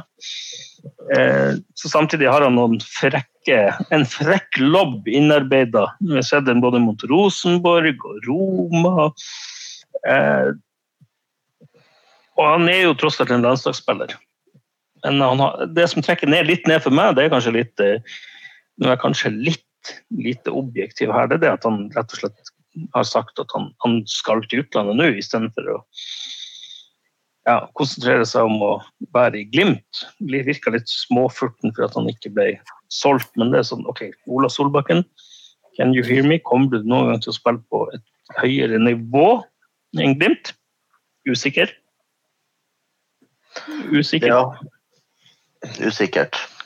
Men det, men det, er litt sånn, det, det, er litt rart å si at mitt, altså mitt største aber med, med, Ola Solbakken er hvordan han presterer én eh, mot én ofte. Um, men så ser du jo sånn som mot Celtic, han drar av to mann og, slår inn på tvers der når, når Pelle skårer. Så, sånn har du jo inne, men så jeg vet ikke helt hva det er som gjør det i, i Eliteserien at han ikke, ikke ikke tør å prøve. Altså det, det, for, han, for, han, har jo ekstreme dribleferdigheter når han først har dagen. Mens i Eliteserien ofte så syns jeg blir gående mye på, på, tvers. Det ser vi også mot Lillestrøm. Det, det sjelden han kommer seg ned og rundt. Han utfordrer ikke mannen sin. slår Enten så blir han gående på tvers, eller så slår han ballen på tvers. Og jeg vet ikke hva det er som gjør det, for han, for han har det i, i seg. Altså, jeg plukka jo opp det at han eh, Var det podkasten til 433 hvor han sier at han eh, kanskje sleit litt med motivasjon eh, i enkelte kamper. Og er det sånn at han er altså Det kan jo være at jeg brenner meg litt der, men er det sånn at han kanskje tenker at Lillestrøm eh, i cupen er ikke noe særlig å vise seg frem, men det er ikke, det er ikke helt topp motivert. For det lå litt i det svaret. Nå husker jeg ikke akkurat hva han svarte, men det var liksom sånn at det var ikke så nøye med de her eliteseriekampene. Men når det ble Europacup og sånne ting, så begynte det å bli mer spennende. Og Rosenborg og den biten der. Så det handler jo Jeg tror det lå litt i kortene der at det ligger litt på motivasjonsfaktoren også, i forhold til å spille i Tippeligaen, eller i Eliteserien. Beklager rettighetshavere. Ja, hvis, uh, hvis, han har sagt det, så er jo det det mest hinsidende og mest tullete jeg noen gang har hørt. Du skal gjøre akkurat det samme på trening som du gjør på kamp mot dårlige lag, som du gjør i kamp mot gode lag. Så skjønner du, Det er jo, det er det er forskjell å møte et Roma som står høyt, og et Lillestrøm som ligger lavt. Men, men, i utgangspunktet så skal du jo gjøre det samme på trening som du gjør i kamp, uavhengig av motstander du møter. ikke sant? Og da, da, det, da det ekstremt teit å si sånn ah, nei, vi møter Lillestrøm skal spille på halv maskin. Ja, Da kan du like godt bare gå hjem og legge deg, for det er mange andre som har lyst til å spille på Levingplassen. Og I tillegg med den kontraktuttalelsen. Men var det flere som hørte den der, og noen som husker? Dere har jo hørt den podkasten med Ola Solbakken. Eller var det et intervju? Jeg klarer det var et intervju, nei, det var et intervju med Trønderavisa eller noe sånt. Ja, men jeg tenkte på motivasjonsfaktoren i forhold til uh, Nei, den har jeg ikke hørt. Har ikke hørt. Men, men, jeg er litt sånn Jeg forstår at det, det liksom ikke nødvendigvis kan være spennende å reise på bortekamp mot uh, Tromsø eller Sandefjord. Men dette er jobben. Du er en av få som er så privilegert som får lov til å holde på med fotball som jobben din. Du får betalt for det her. Eh, og det er litt sånn, Da må du, må du gå opp til Bjørn Mannsverk og si det at eh, ta meg sammen. Ja, Eh, da må vi ta sammen. Ja, og så hvordan skal vi klare dette? Det Og så må vi heller ikke ut i Trønderavisa som sier at vi har lyst til å gå fra klubben. Da kan vi ta det på, på kontoret med han, eh, Frode Thomassen. Beklager, Ja. Olav, det, det holder ikke det der. Eh, Selv om du sa unnskyld, så mente du jo det. Du trenger ikke å si det. Altså, Alle i klubben har faktisk, eh, vil jeg tro, ambisjoner om å spille i, i høyere liga eller en, en mer ambisiøs klubb. Eller er jo ambisiøs, eller en større klubb. Få mer penger. Men du trenger ikke å si det i avisa. Det er ganske stor forskjell på de to tingene. Jeg er helt enig i akkurat det. Her, så får du det til, altså. Ja, jeg er helt, jeg er helt enig i det du sier der. Og det, det er mange spillere i Eliteserien som ville ha bytta plass. Mange høyrevinger som ville ha bytta plass med Ola Solbakken og vært i hans sko. Eh, Du er i vannskorpa til landslaget. Eh, Du får spille Europa. Du får, ja, han er blitt seriemester to ganger. Og han er også en type spiller som kanskje har veldig mye å takke Kjetil Knutsen og Glimt for. Han er blitt satsa på. Han er en spiller som i Ranheim hadde vel ja, Nå må jeg gå tilbake og se litt på liksom, hvordan du så Ja, men, ut her. Jeg, Jeg har lyst til å ta en greie, fordi at uh, mens du sjekker Ranheim, så er det jo sånn at Ola har jo slitt også med en ankel. Og Den har Ja. slitt med veldig lenge. Den har vært teipa og styrt og alt mulig. Så har han takka nei til landslagssamling nå, noe som tror jeg må sitte jævla langt inne for en spiller som, som, eh, som har ambisjoner om å spille i andre store klubber da, av utlandet. Og det som jeg har hørt nå, det er at de er usikre på om de rekker seriestart. Og da betyr det at den skaden der er blitt verre enn eh, hva Men det er ikke, det er ikke verifisert. Men, eh, men da er det jo eh, Da går vi jo liksom over på konsolen, da, eh, eventuelt på høyrevingen. Mot Rosenborg, kanskje. Ja, og jeg, jeg syns konsolen gjør et uh, bra innhopp i de minuttene han får uh, borte mot Aset. Uh, han er en litt mer sånn type Trond Olsen-ving igjen, da, som er litt sånn uh, kick and run. Uh, slår pasninga, stikker ned mot linje og så slår et innlegg eventuelt. Men det uh, han, er, han er vel litt mindre begrensa enn Amor Lajoni, så han har, han har, litt mer å gjøre, gjøre teknisk kanskje en mot en enn Amor hadde. Men eh, eh, så, så absolutt en veldig god spiller, men jeg vet ikke om han er sinkernagel, hvis, hvis det er der lista skal ligge, da. Nei, altså har Han vel, han har god fart, han også, da, i forhold til, men ikke i forhold til Solbakken. Så, men, men det er jo kanskje ikke så nødvendig, for Rosenborg kommer til å være sikkert til å ligge som et eh, buss bak eh, i, på, på Aspmyra. Så, så dermed så, så tror jeg egentlig at Konsum kan være et like bra valg. I tillegg så kan han slå cornere, og det kan jo ikke Solbakken gjøre, for de havna jo langt utover eh, gamle nordmegler eh, mot eh, Lillestrøm. Så så der eh, har vi jo en, faktisk en mye bedre dødballfot i konsol. Ja, bare sånn for å se Ola Solbakken før han kom til Glimt. I 2019 så starta han 20 kamper for Ranheim i Eliteserien. Han ble bytta inn 6, så han fikk 26 kamper. Han ble bytta ut 14. Eh, han skåra så mye som fire mål og hadde tre assist. I 2018 seks kamper fra start og fem innbytter. Eh, null mål, null assist. I 2020 før Glimt så hadde han elleve kamper fra start og ble bytta inn elleve. Han hadde tre mål og fem assist. Og det er klart, da konkurrerte han mot Sinkelag. Han, han er definitivt førstevalg i Glimt. Altså, så god er han, det skal vi ikke ta fra han. Men, men, hvis du går ut og har problemer med motivasjon, da er det litt sånn Jeg har lyst til å dra Ivar Morten Nordmark opp i de Du er så privilegert at du spiller foran fulle tribuner lever og spiller for eh, av hobbyen din å spille fotball. Hvis det er alvorlig, Men hvis du sliter med motivasjon da Men dæven ta, gutta. Nei, eh, Nei, det men jeg, sånn, Du må prøve å finne det intervjuet der, for det, det, det, husker jeg. Men likevel så er det jo det at, altså, vi skal oppsummere med Solbakken, så har jo han da, hvis du ser, tar det kampprogrammet eller de kampene han har spilt, og hva hva han har fått til tidligere, så har jo han alt å takke Glimt for. Som ganske mange andre. Eh, Så, så vær så snill, ikke ta det i avisa. Hadde ikke du tatt det i avisa, hadde ikke vært sur i det hele tatt. Du får, eh, får bare takke deg sjøl for at jeg er litt forbanna på deg nå, Ola. Ja. Både, altså både Sinkernagel og Fredrik André, og for så vidt Alode også, gikk jo gratis. Men det, det er jo ingen som, som bærer noen nag til dem, fordi at de, de oppførte seg ordentlig og, og redelig og, og tok ting på kammerset i stedet for avisa. Og det var, jo sånn, det var jo det var ingen i løpet av 2020 som hadde et berettiget håp om at Sinkernagel skulle forlenge kontrakten sin. Altså da, da kan du faktisk dra på loppehavet. Det var ingen som trodde det. Men Sinkernagel sa nei, jeg trives kjempegodt i Glimt. Glimt er en fin, fin klubb, og Bodø er en fin by. Jeg trives kjempegodt. og, og Vi, vi prater fint i lag og, og skal, skal ta det her etter sesongen. liksom. Og Det er måten å løse det på. Ikke stå et år før kontrakten går ut og, og bare pisse på kontrakten. ikke sant? Så nei, bare? Det, det er jo litt sånn det føles. da. For, for oss. Ja. Selg han til Tyrkia selg han til Tyrkia for høystbudene. Skal vi se om han syns det er så veldig stas. Ja, men det, Nei, vi, vi, vi har en berettigelse til å være litt forbanna ennå. Så, så er litt langsint der, men, eh, men eh, det, det går eh, Og dermed så er det jo det at vi har på høyre ving så er det jo konsum, og så kan jo Hugo spille der. I tillegg så tror jeg faktisk også Skal vi ta Sjøvold med? Jeg tror også han kan spille høyre ving. Eh, men eh, eh, der tror jeg også at Glimt leter etter en ving.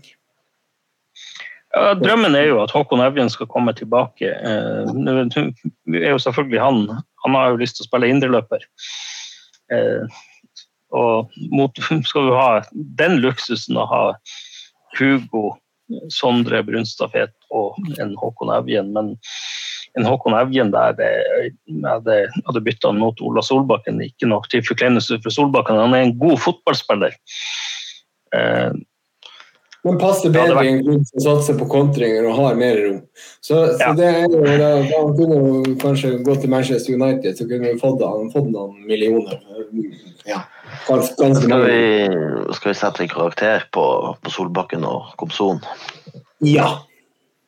Da kan dere starte, for jeg er litt usikker. Jeg- altså, jeg står mellom sju og åtte på Solbakken. Solbakken er vanvittig god når han er god, men så samtidig så syns jeg sånn som Lillestrøm synes jeg han falt litt igjennom. Eh, han har jo visst i Europa sånn som, Hadde du spurt meg etter Romakampen, så hadde det vært en klink tier. Hadde du spurt meg etter Rosenborg, og vi vant 5-1, så hadde det også vært en tier. Men eh, jeg ender på en, en, en svak åtter på Solbakken. Komson spennende spiller. Eh, Han presterte godt i Brann, men jeg syns jo det at det var mye hummer og kanari i fjor. Han er en, en drib, driblesterk, eh, ballsikker spiller. Litt eh, sånn uortodoks i stilen, kanskje, men eh, jeg har sett vel, egentlig litt for lite av han og håper det at han skal utfordre Solbakken om en startplass, og at han per dags dato så ja, Jeg kan ikke gi noe mer enn en fem der, altså. Ja. Uh? Ja, nei, altså Det som Bjørn Einar sier, altså Solbakken er jo tidvis en tier i Europa, og så er han en sekser i Eliteserien. Det husker jeg ikke, det jeg tror det var etter Liverpool-Leicester, så var det en manager som sa at uh, greit nok Sala er en Ferrari, men setter du Ferrarien i London sin trafikk, så går han jo faen ikke fremover uansett. Så, så, så basert på det så tror jeg jeg gir han Solbakken en, en syver, fordi at han ofte blir, blir, blir stående litt, litt stuck in traffic.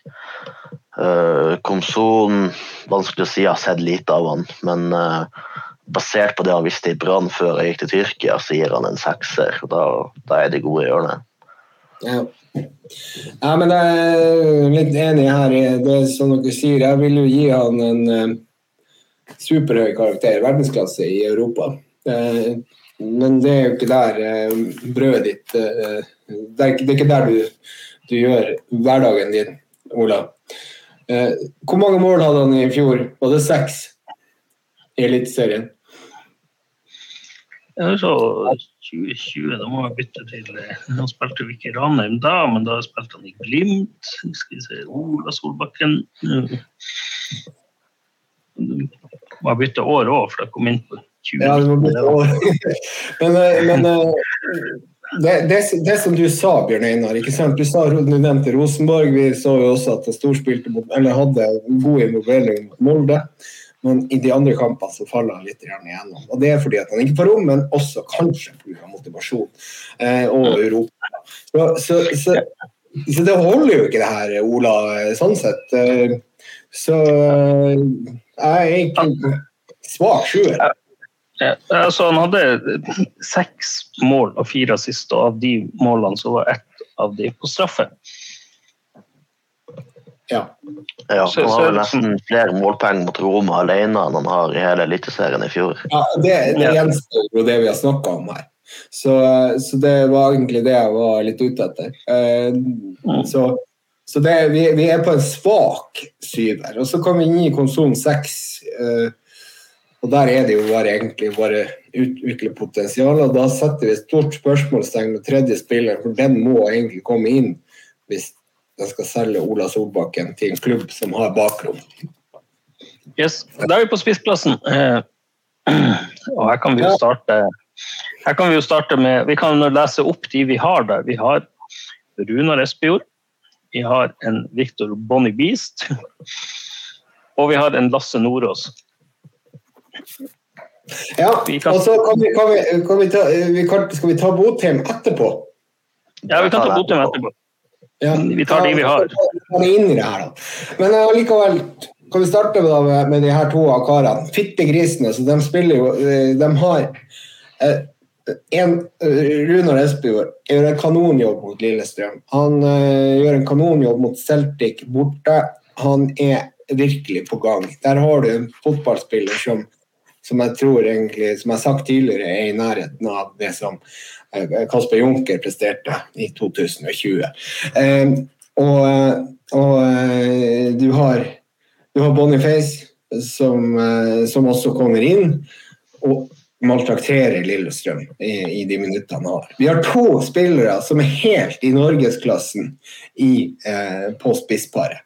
Det er Og dermed Og jeg trodde ikke de skulle komme så, såpass i form eh, som de er i nå. De må få spille nå. Og Dermed så tror jeg egentlig ikke det kan være så, ikke så viktig å få inn Botheim. Men eh, nå tok jeg Botheim da. Vi kan starte med, jeg vil starte med Runar Espejord. Eh, for det første så er det det at Runar Espejord har jo eh, fra han omtrent var 14 blitt omtalt som et vanvittig stort talent. Mye uforløst potensial i han. Han skåra ett mål mot Glimt der den 16. mai, ble matchvinner. Eh, han har mye fotball i seg, eh, og det, det syns han har begynt å vise. Men det, det jeg liker med oss, det jeg likte veldig godt å se de to siste kampene, egentlig, er hvordan han jobb, tar jobben som førsteforsvarer. Eh, jeg syns hjemme mot Aset så ble han springende som i hodeløs høne. Eh, mens jeg syns borte begynte han å vise prov på det at ok, nå begynner han faktisk å løpe i press. Eh, han, han, er ikke en sein spiller. Eh, og så Samtidig så er det det at han, han, har en teknikk som er bedre enn Botheim.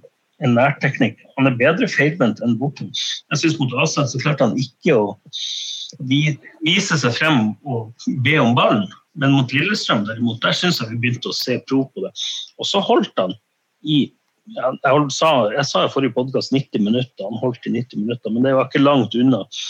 Han, han holdt i 80 minutter der han løper etter å ha spilt en kamp borte mot Assad. Det har jo vært det største usikkerhetsmomentet. Hvordan er skadesituasjonen? Holland. han? Ser unektelig bra ut. Han har skåret to mål allerede på fire kamper. Det er to mål med han skåret hele fjorårssesongen. 17 kamper i Tromsø. Han var jo vaksinert mot å skåre, og nå har han funnet koden. og Jeg tror det at han kan spille på seg mye selvtillit. Jeg tror vi har mye spennende fra Runar Espejord utover en hockeysveis av en annen verden og en, eh, snørrstopper som eh, indre deler av Salten vet jeg er sterkt misunnelig. Jeg skal ikke kimse av ei Meløy-stripe. Men, uh, men, det, men, det, du sier, er, er helt riktig, Bjørn Einar. Uh, og, og, det er jo det, Nå var ikke jeg med på at jeg var, var sjuk i, i den podkasten etter Raset-kampen. Uh, og det, det jeg savna der, er at Runar viser seg mer altså dropper ned sentralt i banen, tar initiativ til å altså, få ballen og så spille videre på, på andremanns bevegelse. og Der syns jeg Botheim var, var, veldig god i Europa i fjor. Du ser han gjør det, du gjør det én gang, og det er rett før 90. Eh, da har han tre mann rundt seg, gjør en piruett og slår ballen ut mot Ola. Så, sånn har det jo i seg. Så jeg lurer på hvorfor, hvorfor har ikke Glimt eh, utnytta de ferdighetene han har teknisk eh, oftere.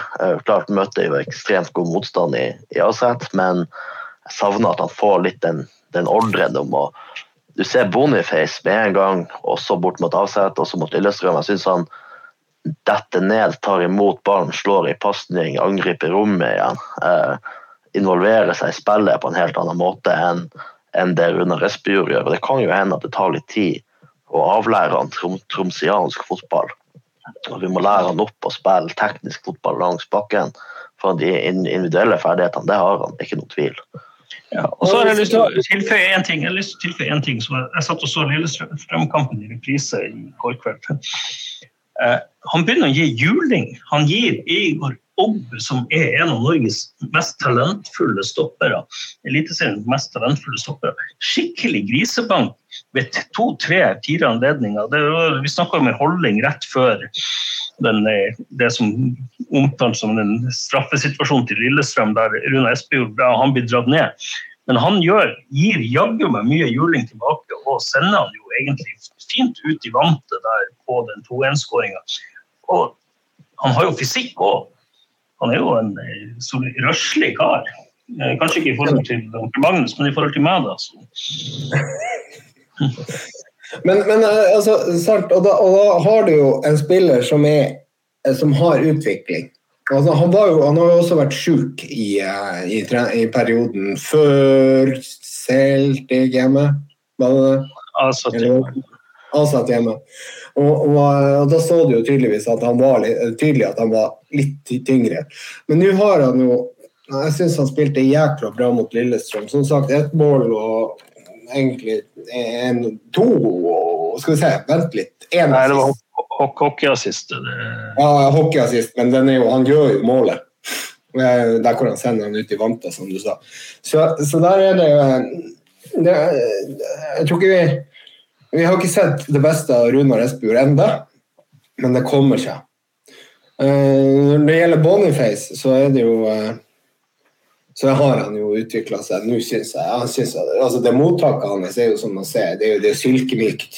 Uh, han, han, klarer å ta imot ballen og skjerme den fra forsvarsspilleren. Han er jo så sterk, den gutten. Og nå har han jo også klarer å la være å lage frispark imot seg når han, han vinner den duellen.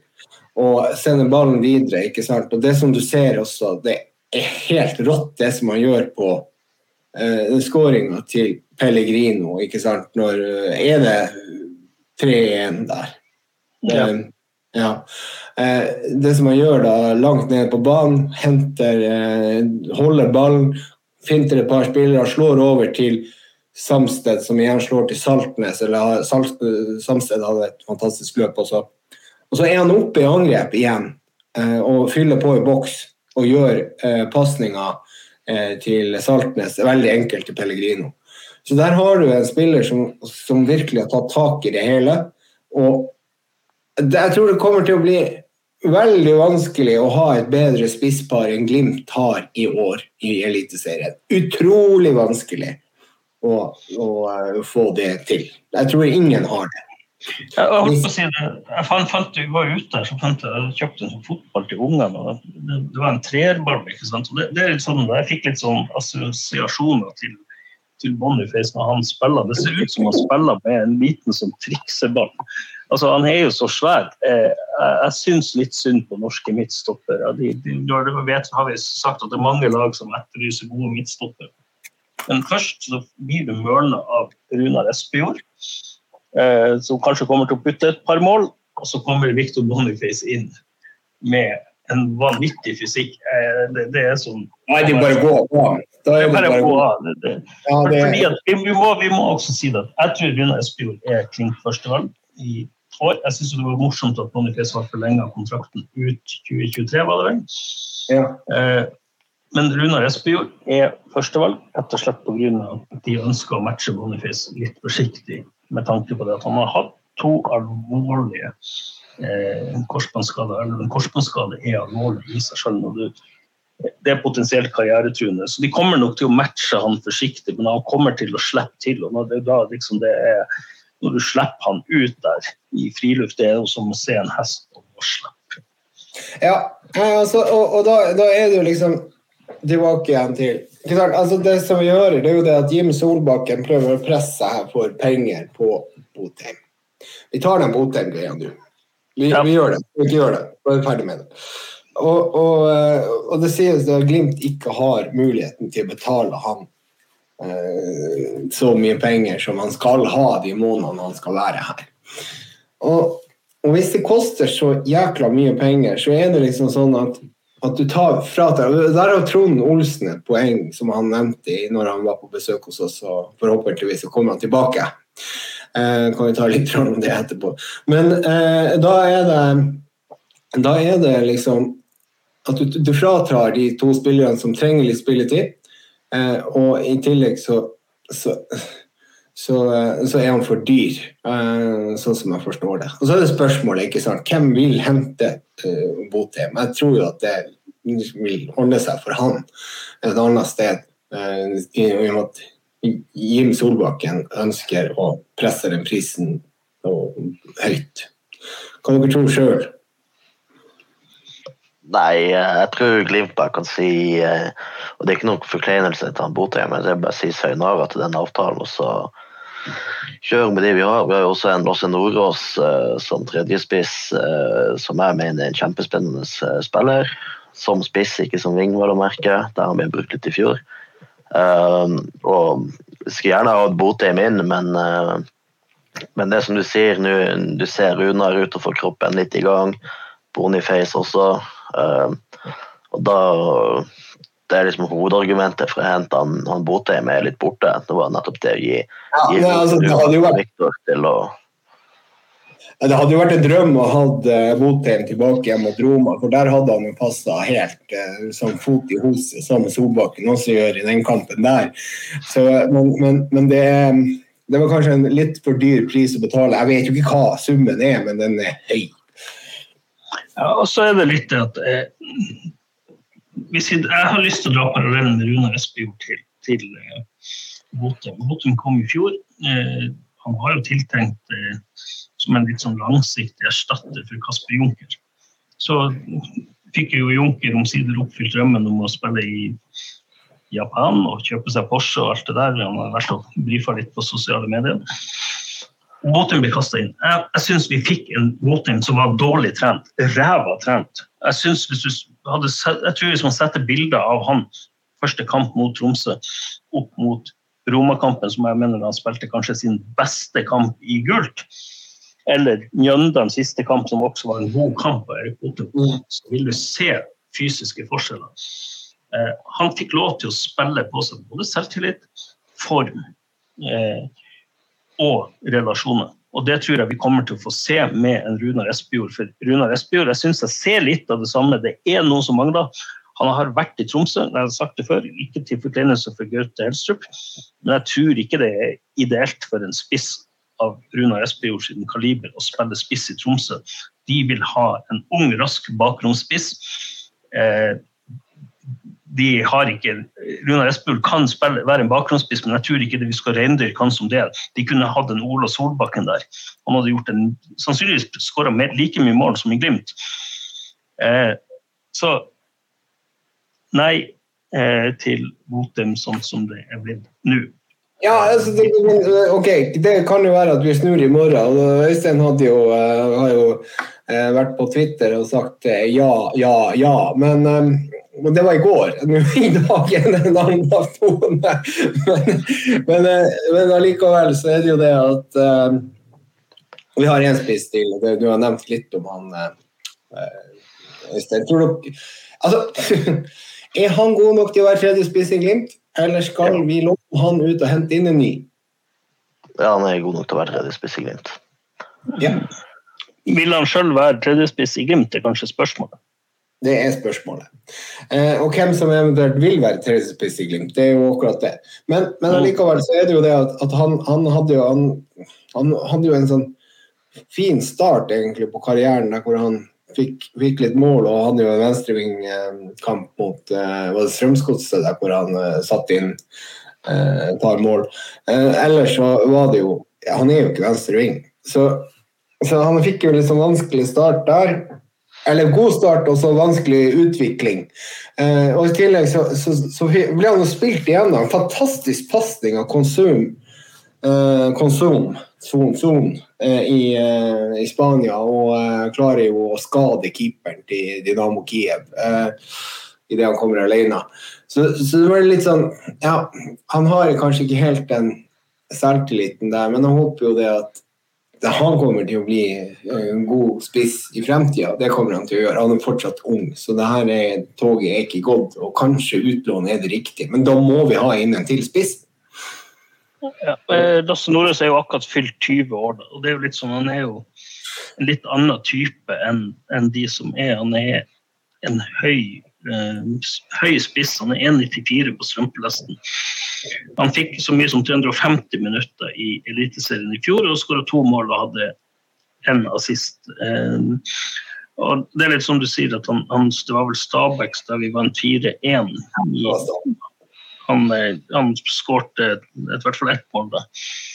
Eh, fikk en god start, men så ble han putta på venstrevingen, og han har ikke tempo til det. Men eh, ja, kanskje han skal være der ett år til i Glimt. Eh, kanskje. Eh, lære av Boniface og eh, se om han kan ta opp kampen og få noen innhopp. Treningsmiljøet er nok bedre i Glimt enn det er på et eventuelt utlån. Skal ikke jeg være, være han fyren igjen, da, men vi, vi nærmer oss to timer. Skal vi sette en karakter på, på spissene? Ja. Med de to som er der, så er jeg på ni.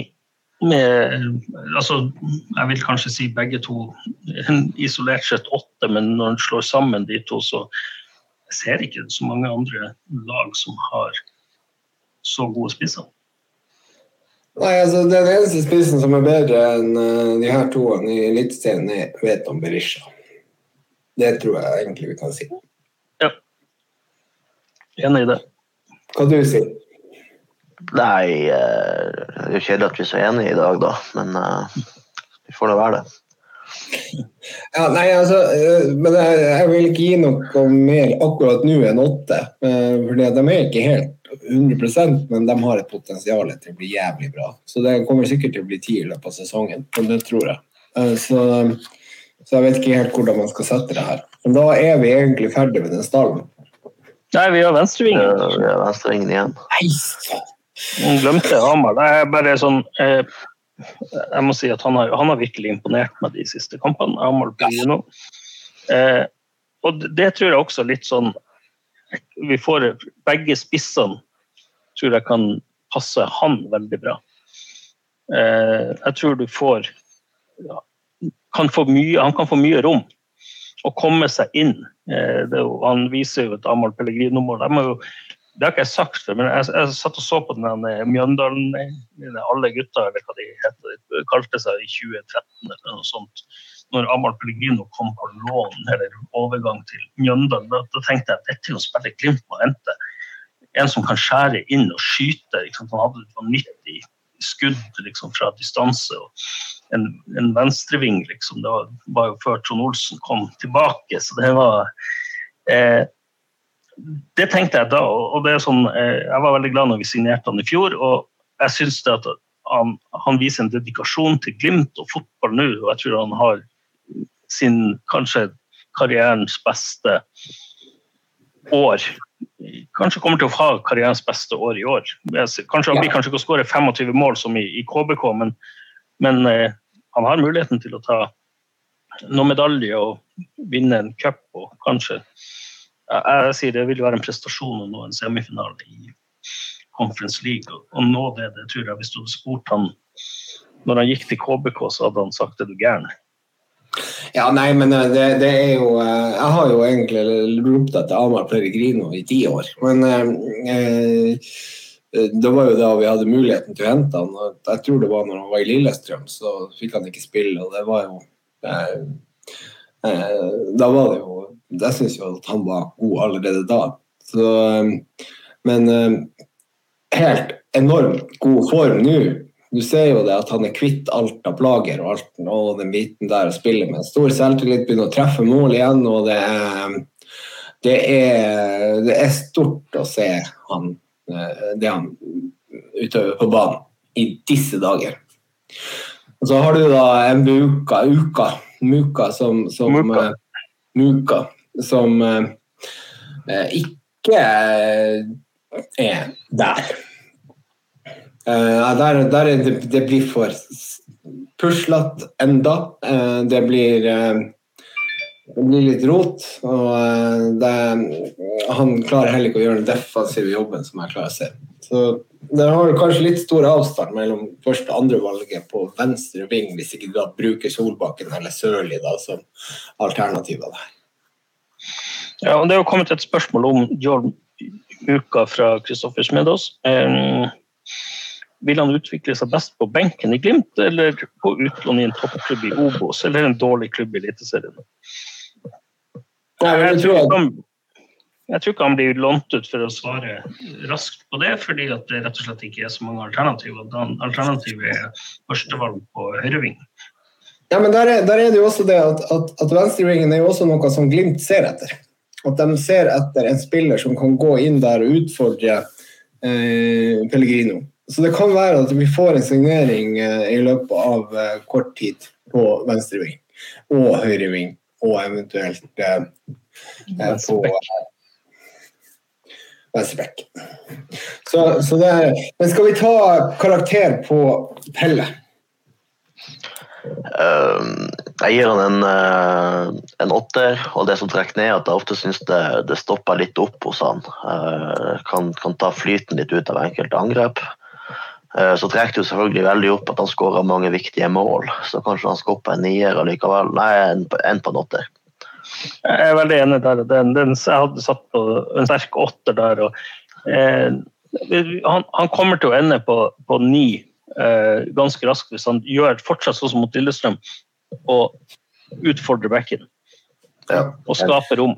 Eh, og så er det, det som jeg, Hadde du spurt meg etter sesongslutt i fjor, så hadde jeg vært på en sjuer det som trekker opp eh, jeg holdt på å si en og en halv, det er nå at han, han, virker til å posisjonere seg bedre. Og så har han lyst til å være i Glimt. Det er jo fantastisk, bare det. Ja, nei, altså Jeg ville gi han sekser i fjor, eh, men nå er han jo slik på nieren. Så hvis han fortsetter med det spillet som han presterer akkurat i disse dager, spiller sin gode fotball som han gjør nå, så, så er han oppe på ni. Men jeg gir åtte nå, så er vi enige der. Og så er det jo da totalt angrep, da. Hva vi har. Muka har jeg Kan ikke gi mer enn fem, da. Nei, per dags dato er jeg enig. Eh, han er, har potensial, spennende spiller. Jeg eh, syns han mangler litt på fysikk. Ja. Eh, det, det, men det kommer. En ung, spiller, ung og talentfull spiller. Så. Han kommer nok. Han kommer nok. Så, så, men det, det, kan jo være det at Muka blir lånt ut hvis vi kjøper inn en Ving. Det kan jo være det at de skal til Ålesund for å handle der. Det, ja. Borska Ole! ja. Så, men, eh, men da, da, vi, da, har vi angrepet ferdig, endelig. Og hva vi gir angrepet totalt. For da har vi da har vi åtte på keeper. Forsvaret Det er jeg som har satt åtte der. Og, så, og ni på uh, midtbanen, og så totalt angrep. Nei, jeg, jeg skal si Bredden der. Jeg, jeg savna en venstreving. Hadde vi fått en, en, en som kunne også utfordre Pelle der, så hadde jeg vært på en, en klink nier. Eh, men det blir en åtter, og det, det sånn, men det ser unektelig bra ut. Eh, så det er litt sånn eh, en liten skade, sånn som vi hadde i fjor. Ja, Sørli kan jo også spille wing. Det er mange som kan spille wing. Hugo kan spille wing.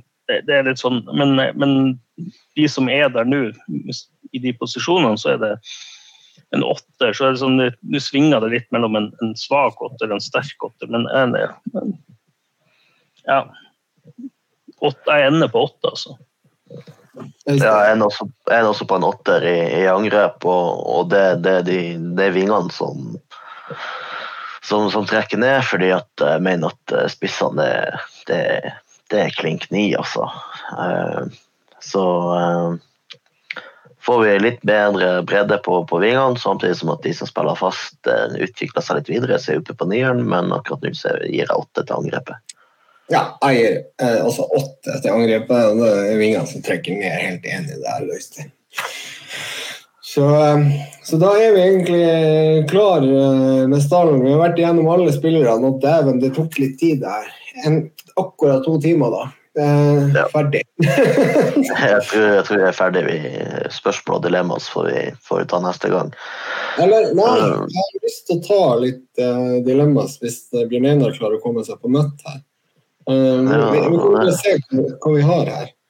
Um, vi se.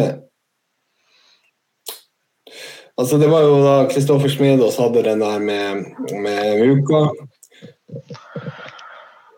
Får den sangen? Ja, det, det har de vel allerede. Har ikke de laga en sang til Boniface? Men jeg husker ikke hvordan den var. Oh, Boniface. Ja. Ja, den, den, eh, den, er vel laga, men vi hadde vel eh, jeg hadde laga en Glimt i sør. Det var vel eh, Boniface Boniface Boniface Baby Shark, da, for de som ikke har barn i barnehagealder. Baby Shark. Men, mm -hmm. hvis det er ønskelig, så kan vi sikkert lage en sang der òg. Og så er det jo da Emil Almås som kommer med et dilemma. Sitte på trippelcelle med Kristian Valen og Morten Stokstad i tre år, eller drite i buksa hver gang du er på butikken ut livet. Å, herregud. Jeg må jo svare som, som jobber i bleiebransjen. Jeg, går for bleie. Altså. Du ta på deg bleie? Ja, altså Living the brand. Altså det, når du jobber med produkter for både inkontinens og barnebleier primært, da, men da, da, må man jo kan ikke si noe annet. Det er ikke, sier som Fritz Aanes, det, er ikke flaut å bæsje på seg. 21. Jeg var 42 og dreit på meg i forrige uke. Hodet klemme anbefales, by the way. Gleder meg til sesong to. For en, for en karakter. Han, han, altså, Fritz Aanes, Gjert Ingebrigtsen, det er jo sånn Det, det er jo ja, trenerprofiler. nei, nei, nei Uff, Kristian Valen. Å, herregud. Nei, det vi bleie på meg. Det gjør det. Ja, det, det er uh, Altså, han skal ha for forsvaret, forsøket han Emil, men uh, alternativet til bleie er så mye verre at det er egentlig ikke et dilemma, så jeg går for bleien, jeg òg. Er det noe mer som vi skal ta her? Skal vi se um, Hente Glimt spillere før sesongstart, eventuelt hvem? Og Der var, var, vi vel inne på altså Jeg ønsker meg jo en ving. Uh, wing som kan spille på begge kanter. og Der er jo f.eks. Bolt Kanoli i Ålesund et uh, hett alternativ. Men det spørsmålet er om han vil, hvis han vet at han uh, For han vet jo at det kan bli vanskelig å spille å få spille. Uh, hva dere tror om det? Jeg syns Bolkan virker som en spennende spiller. Rett alder, ung.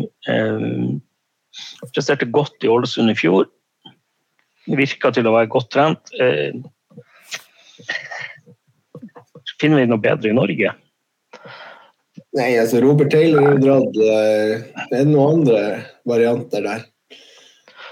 På vingplass.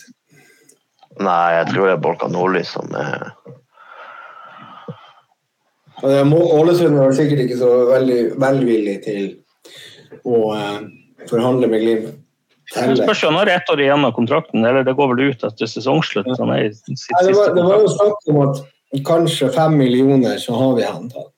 Men, bruker du fem millioner på en spiller, så blir jo det overgangs... eh, altså Det blir jo høyeste summen Glimt noensinne har betalt for en spiller. eh, eller, eller den summen, det, det vi har brukt på Vetlesen og, og andre.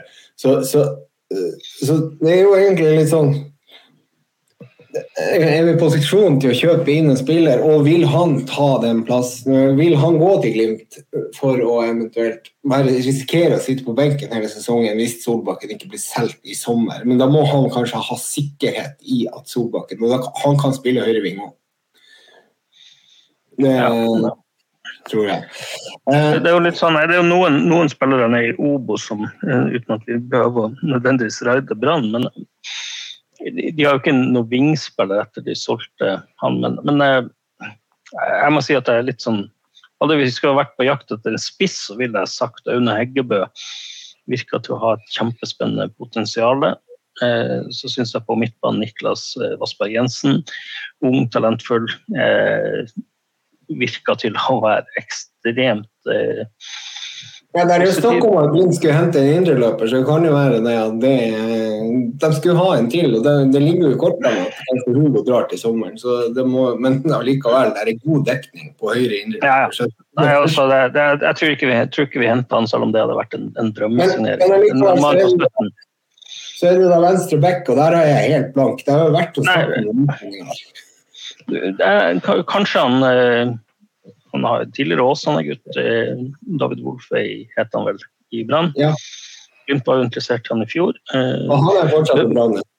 Han er fortsatt i Brann, og Brann har jo henta en del eh, spillere. Nå har de ikke henta venstreback, men de har Ruben Kristiansen der. Eh, Ruben. de Gode venn Ruben.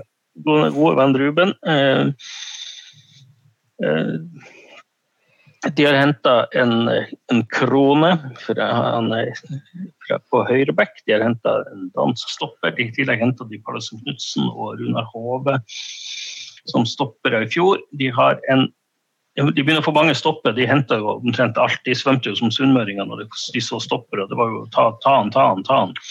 De har en U21-spiller i Ole Martin Kolskogen. Eh, blir vel 21 i år. Eh, litt eh, var vel vanvittig god i, holdt på å si, i 2020. Det var Branns kanskje beste spiller da, men eh, jeg ser ikke helt at han skal få spille i år, da. Nei, men, igjen, igjen, du har en David Wolfe som på venstreback i Brann Ja. som, som, som Han skårte jo mot Glimt i den famøse 2-2-kampen. Ikke starta så mye for Brann. I fjor så starta han fem kamper og ble bytta inn 15. Eh, Skårte ett mål, det var mot oss. Jeg hadde én assist. Men en spennende spiller. Eh, 2002-modell. Han blir jo da blir jo da 20 år nå eh, om en måneds tid. Faktisk akkurat i dag. Nei, ja, i morgen er det, er en måned til han fyller 20. Så det er hørt mye snakk om han, men eh, og sett litt og, og kan være en potensiell venstreback-signering. Men eh, Ja. ja, men hør nå her. Nå har jo Christian Paulsen eh, skrevet her. Hvilke venstrebacker ser dere kunne gått inn på laget, og hvorfor? Gjerne diskutere fordeler og ulemper. Det er Joninho Soria Luhansk. Eh, han var jo egentlig jækla god, han. Og han er jo også eh, berettiget til å kunne spille Europa, eh, Europacup. Eh, altså det er Wolfe, som vi snakka om. Kalli. Det, det var jo han eh, som Glimt hadde lagt inn noe bud på.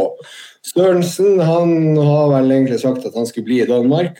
Bakai, det vet jeg ikke hvem er. Og så er det Kito- Kitolano i, i Odd. det er jo så mange Kitolano. Men ja, det er vel han. Venstreback er vel han i, Ja. han i Odd som takla Er, det, er det noen som har noe bakgrunnsinfo? Jeg, jeg synes jo, det var veldig spennende det her med Joninho fra Soria Luhansk. Men da kan det være flere som er interessert. Da. Nei, men jeg, jeg tenker liksom hvis man skal eh, ha en som på sikt kan gå inn Jeg tror jo det at vi, et alternativ til Bris Da tenker jeg David Wolfe er kanskje 20 år gammel venstreback, venstrebeint venstreback. Det, det kan være noe. Jeg litt, minner meg litt om Bjørkan, det jeg har sett han. Mm. Eh, som sagt, det, det virka noe Du hører, mye på deg ballspark. for du, Ja, men så, men, men, Ja, det er litt, litt, litt det også at det, eh, eh, vi skal ikke Det er ikke til å skyve under en stol at eh, assistenttrenerne og treneren er fra Bergen, men Robert Hauge, som er kommet nå inn som eh, sidestilt assistent med Morten Kalvenes, kjenner jo han ja, veldig ja, godt. Så det, det er ikke utenkelig at han kommer. Det, der, der Brann har dekning på, på venstreback med Ruben Kristiansen, så ja. Nei, altså, det, det, og det, det er merkelig stille, men det her er alltid rundt Glimt. Altså, vi holder liksom ikke navn, men plutselig så skjer det noe. Og, og, og, og da er det jo liksom det at eh, vi har jo penger til å kunne, kunne, kunne kjøpe noe, og jeg regner med at det kommer inn en venstreback og en ving. Eh, kanskje to vinger. Eh, og, eh, og, da er det litt sånn ja, hvem blir det, og, sånn. Det vet man. Jeg har ikke hørt noe. Det, er litt sånn. Eh, vi har gått litt langt over tida her, som vi egentlig skulle holde en 30 minutter i dag, men det ble jo to timer og ti minutter til nå. Men allikevel så, så er det da Hvis dere skulle velge én spiller da på, eh, på wing og én spiller på back, hvem skal dere ta da?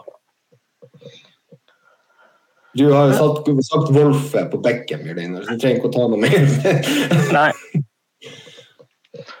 Nei, eh, jeg tror jeg henta Bolkan Nordli og, og Wolfe sjøl. Ja, det Bolkan og Wolfe. Det Nei, jeg tror Wolfe har litt sånn steg å ta, så jeg tror ikke han går direkte inn. Så jeg hadde gått for Ho- Joninho og, og Håkon Evjen. ja, ja. Ja, ja, hvis de skulle Ja, ja, Håkon, men, Håkon, Håkon kommer til sommeren. Håkon kommer til sommeren. Da, da er han lei av det nederlag. Neder- Nederlag din. Du hører på far din. Men, eh, det, liksom nei, men det blir ikke å skje med Håkon. Det gjør vel ikke det. Men eh, jeg syns også Bolkanoli virker som en veldig spennende spiller. Um, og så um, Ellers var det vel ikke noe mer der på spørsmål.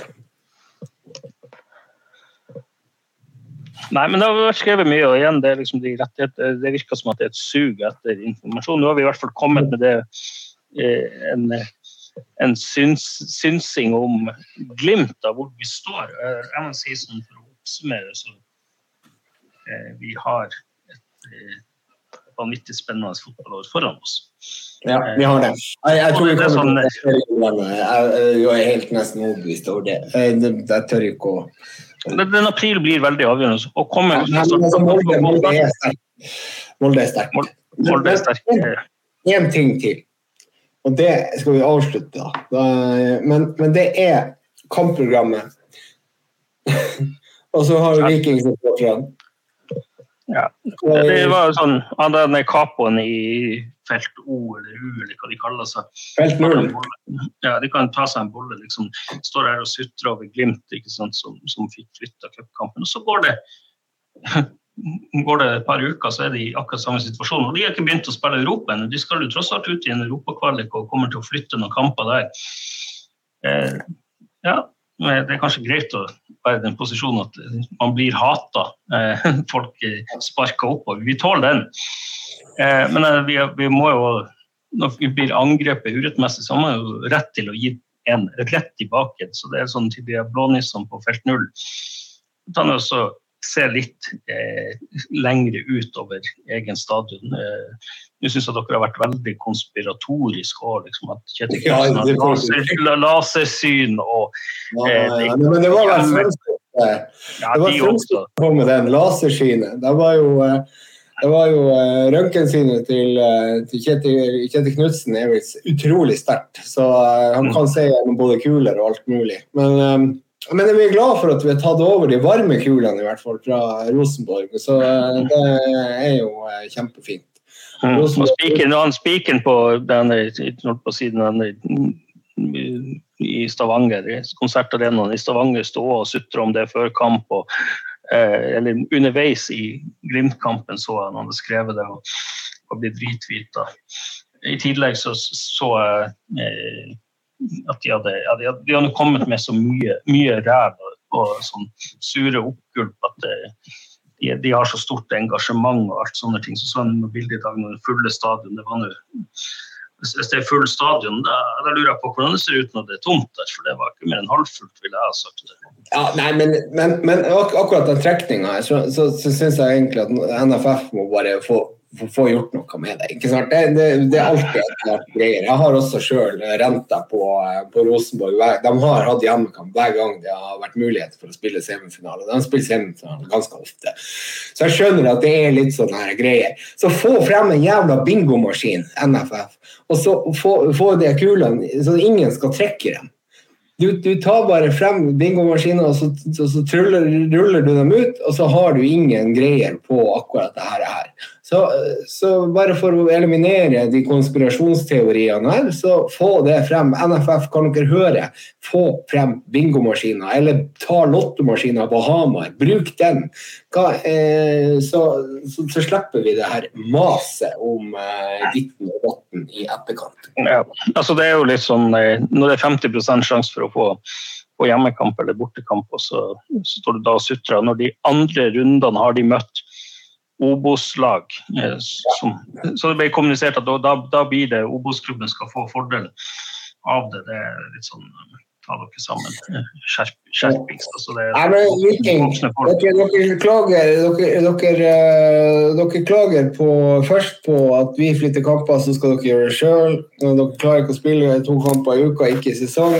Eller ja, tre, kanskje. Var det tre?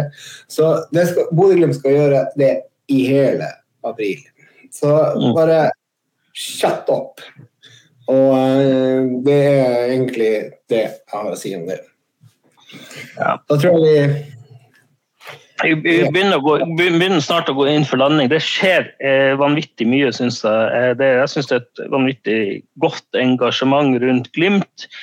Eh, det skjer mye, og vi har en, en grusomt artig april å se frem til. Jeg vet ikke, Øystein, er det, Hvordan er stemninga i Tromsø? Ser du noe Forsa Tromsø, eller hva de kaller seg? Det er jo klart, Nå har jeg jo ligget ni dager på et mørkt rom, så jeg har ikke sett en kjeft annet enn eh, Fodora-bilen til han som leverer mat til meg fra Fodora. det men noe, det er to, to stykk, da, Morten Krenberg og Forstad Tromsø, er kanskje samme, samme, samme fyren som styrer begge kontoene, skal jeg si. Så det, det, det, er ganske stille. Så har du han Røde Robertsen i, i Tromsø, han skriver og raljerer og prøver å ha i spiss penn, men det men det, det er lite, lite, engasjement og optimisme å spore her fra Tromsdalen, i hvert fall. okay. ja, nei, det er jo litt sånn som Rune Robertsen, han, han har fått en, jeg må jo bare ta det, han har fått en sterk utfordrer. Jeg så Nidaros nå, Otto Ulseth. han er nå er det sånn, nå skal de selge klikk. Jeg så det som TV 2 hadde skrevet en sånn, og Eurosport og skrev om det at kan Rosenborg rykke ned? Altså sånn, eh, kan, kan, Rosenborg unngå nedrykk? Ja, unngå nedrykk var det vel de hadde skrevet. Liksom, det er sånn, Eh, det, det, blir sånn når Rune Robertsen sier at det, det Glimt holder på med, det behøver ikke Tromsø å se til. For det, de har ingen lokaler. Så eh, henta vi Runar Espejord og henta Amundsen tilbake. Og så Hvem henta de? Jo, de henta fra Oppsal og en kamensi fra Trondheim. til er sånn stikkfingeren i jorda. Eh, ta en liten reality check. Eh, jeg så de også var kritiserte Glimt for at Glimt her før de reiste til Spania at Glimt ikke ville ha noe covid. Så de tok pressekonferansen på, på Teams. Og da, da kom det også en sånn rant fra den ene, ene løken der, som journalisten bare sånn eh, Så satt Tromsø tre-fire dager senere med hele standen full av covid. og eh, Vet ikke hvor ja, mye de har levd på. Jeg syns Robertsen er frisk og fin, og Otto også. Kjempebra. Det, jeg tror Rosenborg unngår Merik. Jeg, jeg tror faktisk det. Jeg har faktisk troa på det. Så, ja, men det er litt sånn altså, Klikkbit, kom med noe ordentlig. Det er litt sånn Ja, men altså, Nå er det Stian Høgland og, eh, og Freddy Thoresen. Nå må dere opp på ballen, og dere må ikke peise på eh, og være på jobb, fordi at vi trenger Glimt-stoff. Det kommer til å skje noe i løpet av de her ukene som det ikke skal spilles fotball. Og det kommer til å være signeringer, og det kommer til å være treninger, og det kommer til å være stoff å skrive om hver eneste dag. Nå har vi snakka i to timer, nå har vi gått gjennom hele stallen, da, men vi kunne snakka mye mer. Så nå tror jeg vi skal gi oss. Jeg, jeg har prøvd å gi meg en stund. Er det noe Yes. mer du har? Nei, eh, jeg tror vi oppsummerte det ganske greit. Eh, Vi kommer sterkt tilbake. Vi skal bygge opp mot seriestart her. og Godt å se at Parelius begynner å snart komme seg på beina igjen. Han, for dere som ikke ser han, han ligger i senga. Eh, Med det så gjenstår det vel egentlig bare å takke Vebum som hjelper oss med lyd og produksjon. Og Adventure Taylor, som er, betaler regningene og sponsor for denne podkasten. Med det så gjenstår det nyt landslagspausen og ja, skap litt engasjement. Skap engasjement. Gjenhør.